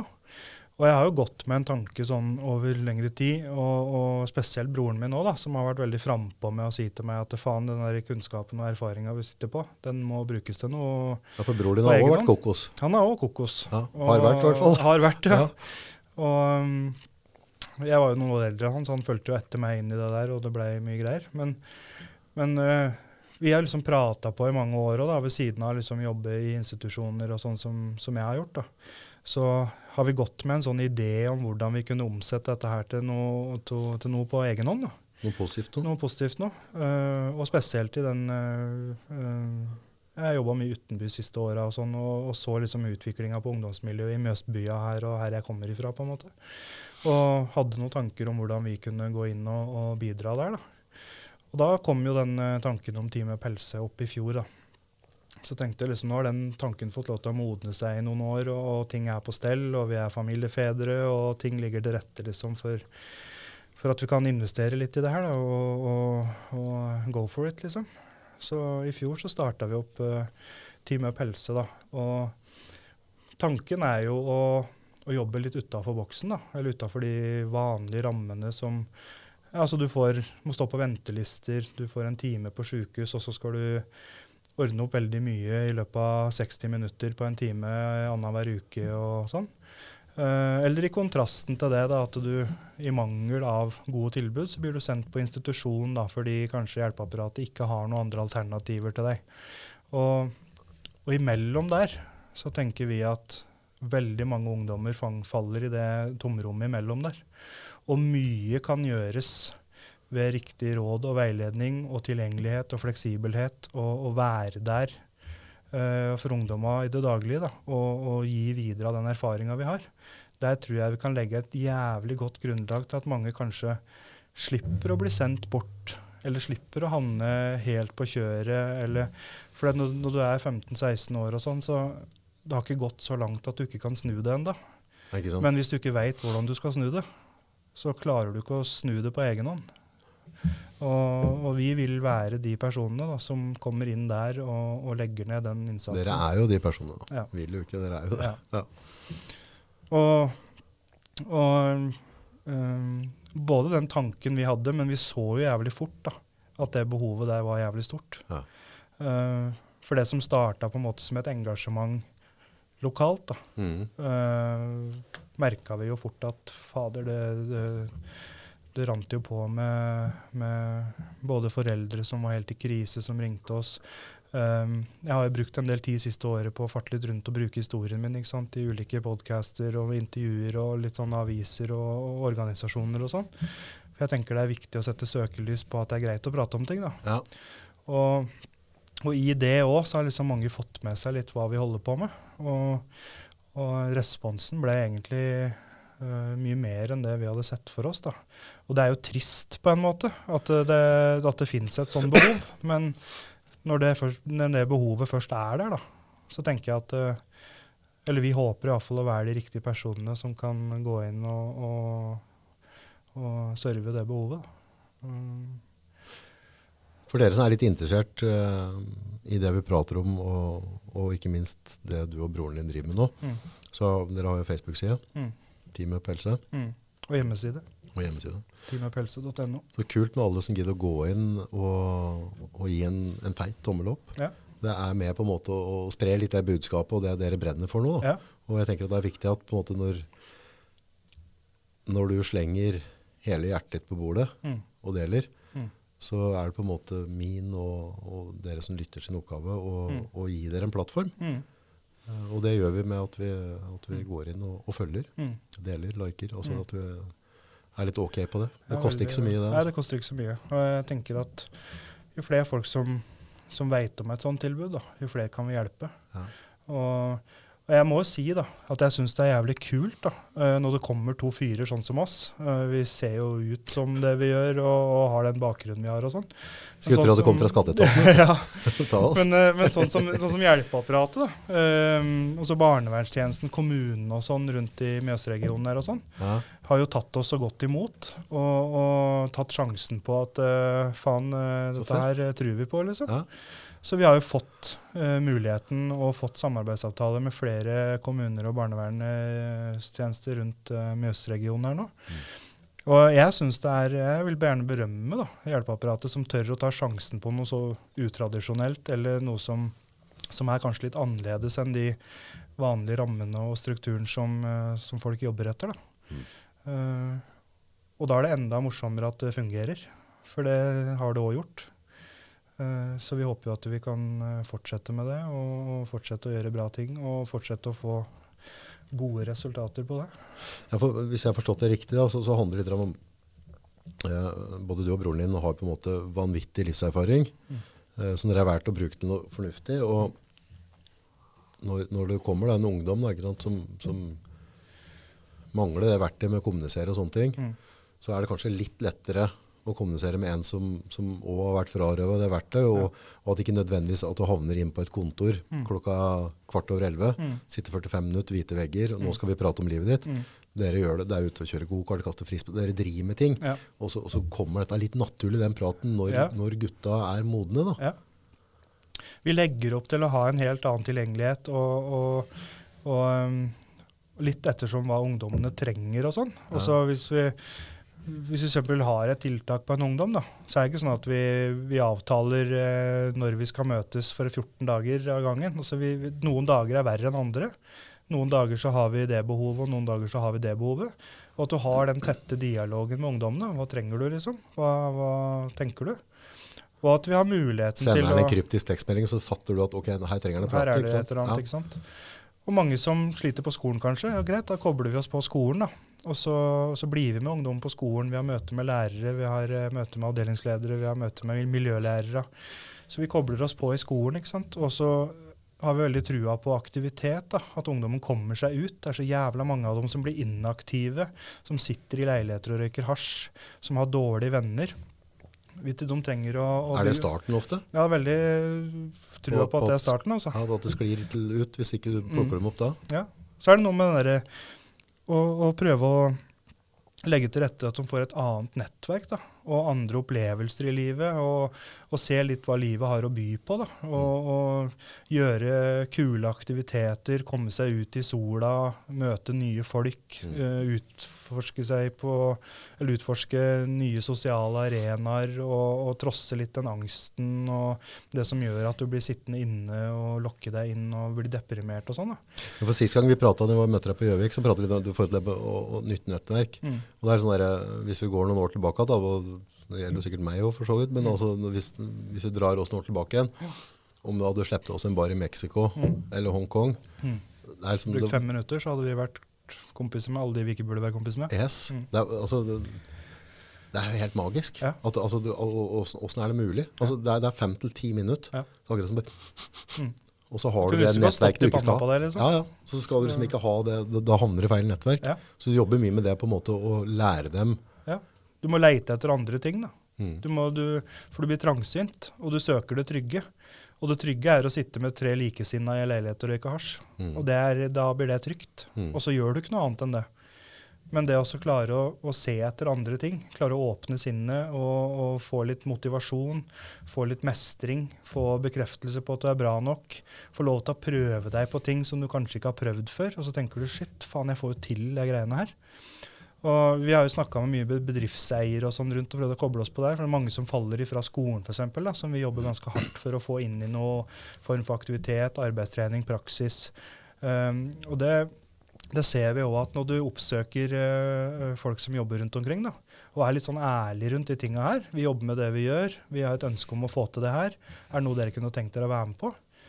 Så gjør jo folk det. Ja. For du, du treffer et eller annet folk. dem, Du må spørre dem. Ja. Du må være litt frampå. Så må du jobbe litt aktivt med de prosessene der. da. Men har du hatt inntrykk av det at, at når, når du har øh, folk, da, skaller, som detter utafor, ikke passer i systemet, og så kommer de inn på en arbeidsplass, Mm. eh, litt blanke ark, fargestifter, og så får du mestring der. Mm. Noen ganger så blir de vanvittig dyktige i det de blir satt til. Ja, de blir det, vet du. For de, det, er, det, er ikke, det er jo ikke mangel på evner. Det er jo ikke mangel på vilje, egentlig, men det er den der motløsheten, eller den der følelsen av å ha gitt opp. Eller øh, hvis du har øh, fått beskjed hele livet ditt da, om at du ikke er bra nok, og du har hatt lærere som har sagt alltid at uh, satt deg på gangen, eller satt deg i spesialklasse og latt deg få føle deg utafor og annerledes hele livet, da, Mm. så har du ikke trua på at du skal få til noe. Men da trenger du noen som kommer inn der og sier ja, visst faen har jeg trua på deg. Ja. Kom inn her, prøv dette her. Yes. Sjekk ut åssen det går. Så, du, så ser jeg at de vokser, da. Og Blomster, smilet ja. kommer tilbake. Og jeg har hatt ungdommer som kommer til meg. Det var helt rått å være på jobb i går. Og liksom Fiksa det og det, fiksa og- det, og, det, og Mestringsfølelse. Mestringsfølelse. Det Alt. er uh, veldig viktig, altså. Grusomt å ikke ha det. Ja, Å pøse på med omsorg og, og Så skal jeg ikke stikke under en stol da, at det er jo Vi får jo litt ekstra street cred eller en sånn gjenkjennelsesfaktor med vi, vi er jo litt sånn gamle gutta sjøl, ikke Ja, sant? ja. Og, og det lyser jo på en måte utapå. OG de kaller det? OG, ja. Ja. Og da, da, da er det et eller annet som, som uh, gutter og jentene, vi, begge deler, uh, kjenner igjen på en eller annen måte. Eller det, er, skaper en troverdighet, eller de skjønner at, det- at det kommer fra et sted. Da, Mm. At vi har opplevd litt av hvert sjøl. Mm. Det spiller ikke noen rolle om, om jeg har den opplevelsen og andre har opplevd noe annet. For jeg tror det er veldig mange sånn uh, sam, altså Du kan dra ut veldig mye av forskjellige ting som kan oppleves uh, på samme måte. Mm. Så ta med deg det du trenger, og så lar du det andre bare være. på en måte. Uh, noe av det i min historie kanskje du kjenner deg igjen i. Mm. Så kommer det inn en ungdom som kanskje ikke har opplevd overgrep og de tinga der, men kanskje jeg har gjort andre ting som man kjenner seg igjen i. ikke sant? Og så får vi noen gode prater rundt det. da. Og så, så er det litt trist, da. For vi ser jo at, eh, at gutta er mye lettere å få tak i enn jentene. Ja. Uh, så ja, jeg håper jo at eh, For det sitter jo mange jenter der ute òg som, som har samme problematikk og har begynt å eksperimentere med rus og sånn òg. Som er rart, det der. Altså, men i, sånn som i institusjoner og alt sånt, så er det liksom innsøkninger på gutter og sånn. Det skjer liksom jevnlig. Men jentene er litt sånn Ja. Trenger vi mer jenter som, eh, som har eh, vært på gata, levd livet Mm, og snudd det? mm. Vi, Jeg tror det. at, vi, at, at de må, må kjenne sin besøkelse, koble seg litt på nå Mm, og henge på Ja. og, og dele. mm. Jeg tror det, altså. Ja, for jeg tror um, Som sagt, har jeg vært innom noen sånne jobbende institusjoner, og da, da Da var jeg på en måte litt den gutta, altså den, den uutdanna, da, men Mm. som kanskje hadde litt i bagasjen. Mm. Men jeg har ikke møtt så mange av de jentene i, i jobb der. Nei. Men det var noen av oss gutta. Mm. Og, og jeg så jo det bare på en måte i institusjonen, så vi, vi fikk jo på en måte en, en god Mm. connection da, Mm. med, med gangstere. Ja, ja. Så, det det. jeg- så jeg vet liksom, det er mange av de gutta jeg har vært med før som ikke nøla Mm. med å, å klinke ned folk på jobb. Mm. Men når jeg kom på jobb, så, så fløt det greit. Ja. Og vi, vi trengte ikke, det var ikke noe sånt jeg trengte å baue og drive med sånn, men det var bare sånn Mm. jungelspråket gikk, og så, så vi det, hadde vi det skill. Ja, Mm. så jeg husker en av avdelingslederne syntes var så behagelig, for det var aldri noen rapporter når jeg vært på jobb. Det var aldri noe, så, det var ikke noe tull, ikke sant? Nei. Så jeg synes det var bare sånn, ja, Det er fordi det har så mye fellesnevner. ikke sant? Ja. Det er så mye du kan snakke om Ja, som er troverdig for begge parter. da. Mm. Og, jeg tror at noe av, øh, noe av den faktoren som spiller på vårt lag da, i forhold til Team Up Helse og det vi driver med nå, det er jo at for Erfaringskonsulenter og sånn er jo litt sånn i vinden for tida. ikke sant? Okay. Folk har fått litt mer øya opp for at kanskje de som har levd litt, har noe å bidra med. Men det som er litt spesielt- erfaringer, Ja, ja. høste litt Lære litt av historien historien ja, og så ja. videre, Så det, det ser jeg jo liksom at det blir mer og mer av. Men, men det, som, det som det ikke er så mye av, er jo folk med min bakgrunn, da, som i tillegg har høyskoleutdannelse og bachelorgrad og har papira i orden og det faglige i orden. da. hånd i hanske. Ja. Så den, eh, det gjør jo at jeg kan stå ansvarlig for en del, og jeg veit den faglige biten av det. og hvordan Du klarer å skrive en rapport? fram. Ja, jeg klarer å skrive en rapport, ja. Så det er jo en av styrkene våre, da, at vi har begge deler. Det er en, jeg er ikke bare en fyr som kommer inn fra gata og skal, skal fikse opp i masse greier, men, men vi har jo mye faglig i bånn som eh, vi jobber etter. Og Og faglige erfaringer. Og og- ja, broren din er en fantastisk fyr, det òg. Ja, ja. Helt enestående. han er jo genuint Ja. glad i de gutta Ja. som er hos dere. Ja, for en fantastisk jobb han har gjort. Med, Ja, han, ja. Ja, ja. helt, Han er på ballen, altså. Ja, han er på ballen. Han lever og ånder for det. Skikkelig. Ja. Han har ikke lyst til at de skal gå samme fotruta som dere. Nei. Så det er helt fantastisk å samarbeide med, med en som har så mye engasjement som det han har. Da. Han er jo full av ADHD i tillegg, og, og Har mye energi. Ja. og det bare spruter jo ut i alle retninger og på en god måte. Ja. Så det er jævlig moro. Mm. Du, vi, vi kommer til å, å ha flere samtaler. Mm. Um, jeg har ei som kommer inn og avdelingen sin og sånn forhold til med traumebehandlinger og sånne ting. Mm. Veldig gleder meg veldig til å prate med henne. Mm. Um, nå vi- kan jeg på en måte kanskje få ut og lytte på podden din, og så kan vi, kan vi høre hva, hva hun tenker rundt det. Mm.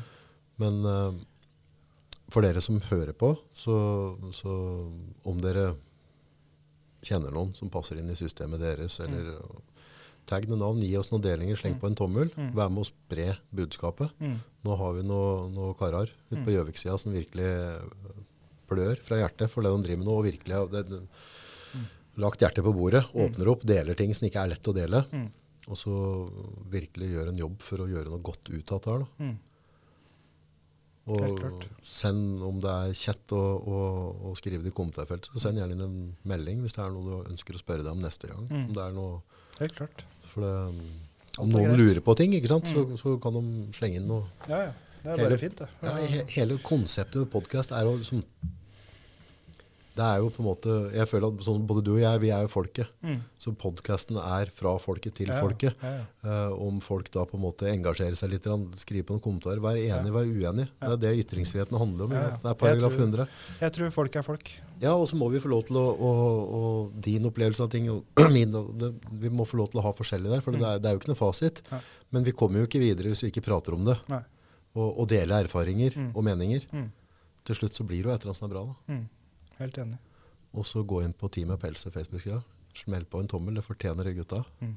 Både gutta som er hos dere, som gjør en fantastisk innsats Ja, med å møtt dem, du. ja, og snu skuta. Mm. Og, og, både, og deg og broren. da. Men uh, på slutten, er det noe du har lyst til å, å dele med lyttere?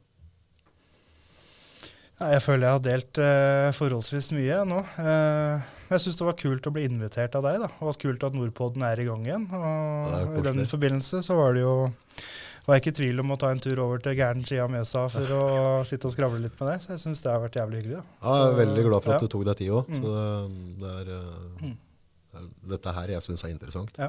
Jeg tror på en måte Håper jeg at lytterne òg, men Eller jeg er helt sikker på at lytterne òg, men, men for meg, da, så er dette altså Vi prater vi åpner og lukker kapitler. Mm. Den podden er et kapittel i mitt liv. Mm. Så, én en ting er at jeg er så heldig å få lov til å dele erfaringa di og andres med andre. Mm. Men bare for meg å få lov til å sitte her og lære av deg, da. Og lære av andre. Dette er jo en del av min utvikling i livet mitt. Mm. Og så kan jeg bare få lov til å sitte her og bare sope til med alt sånn der goodies. Men er det ikke kult at vi kan lære av hverandre? Er det ikke det livet handler om? da? Ja, det er det. Ja. Uh, Men er du, du har ikke noe jungelord du har lyst til å slenge ut? Noe folk skal huske på hvis de er, sitter nede litt og sitter for dypt i sofaen eller på en måte føler at de står fast?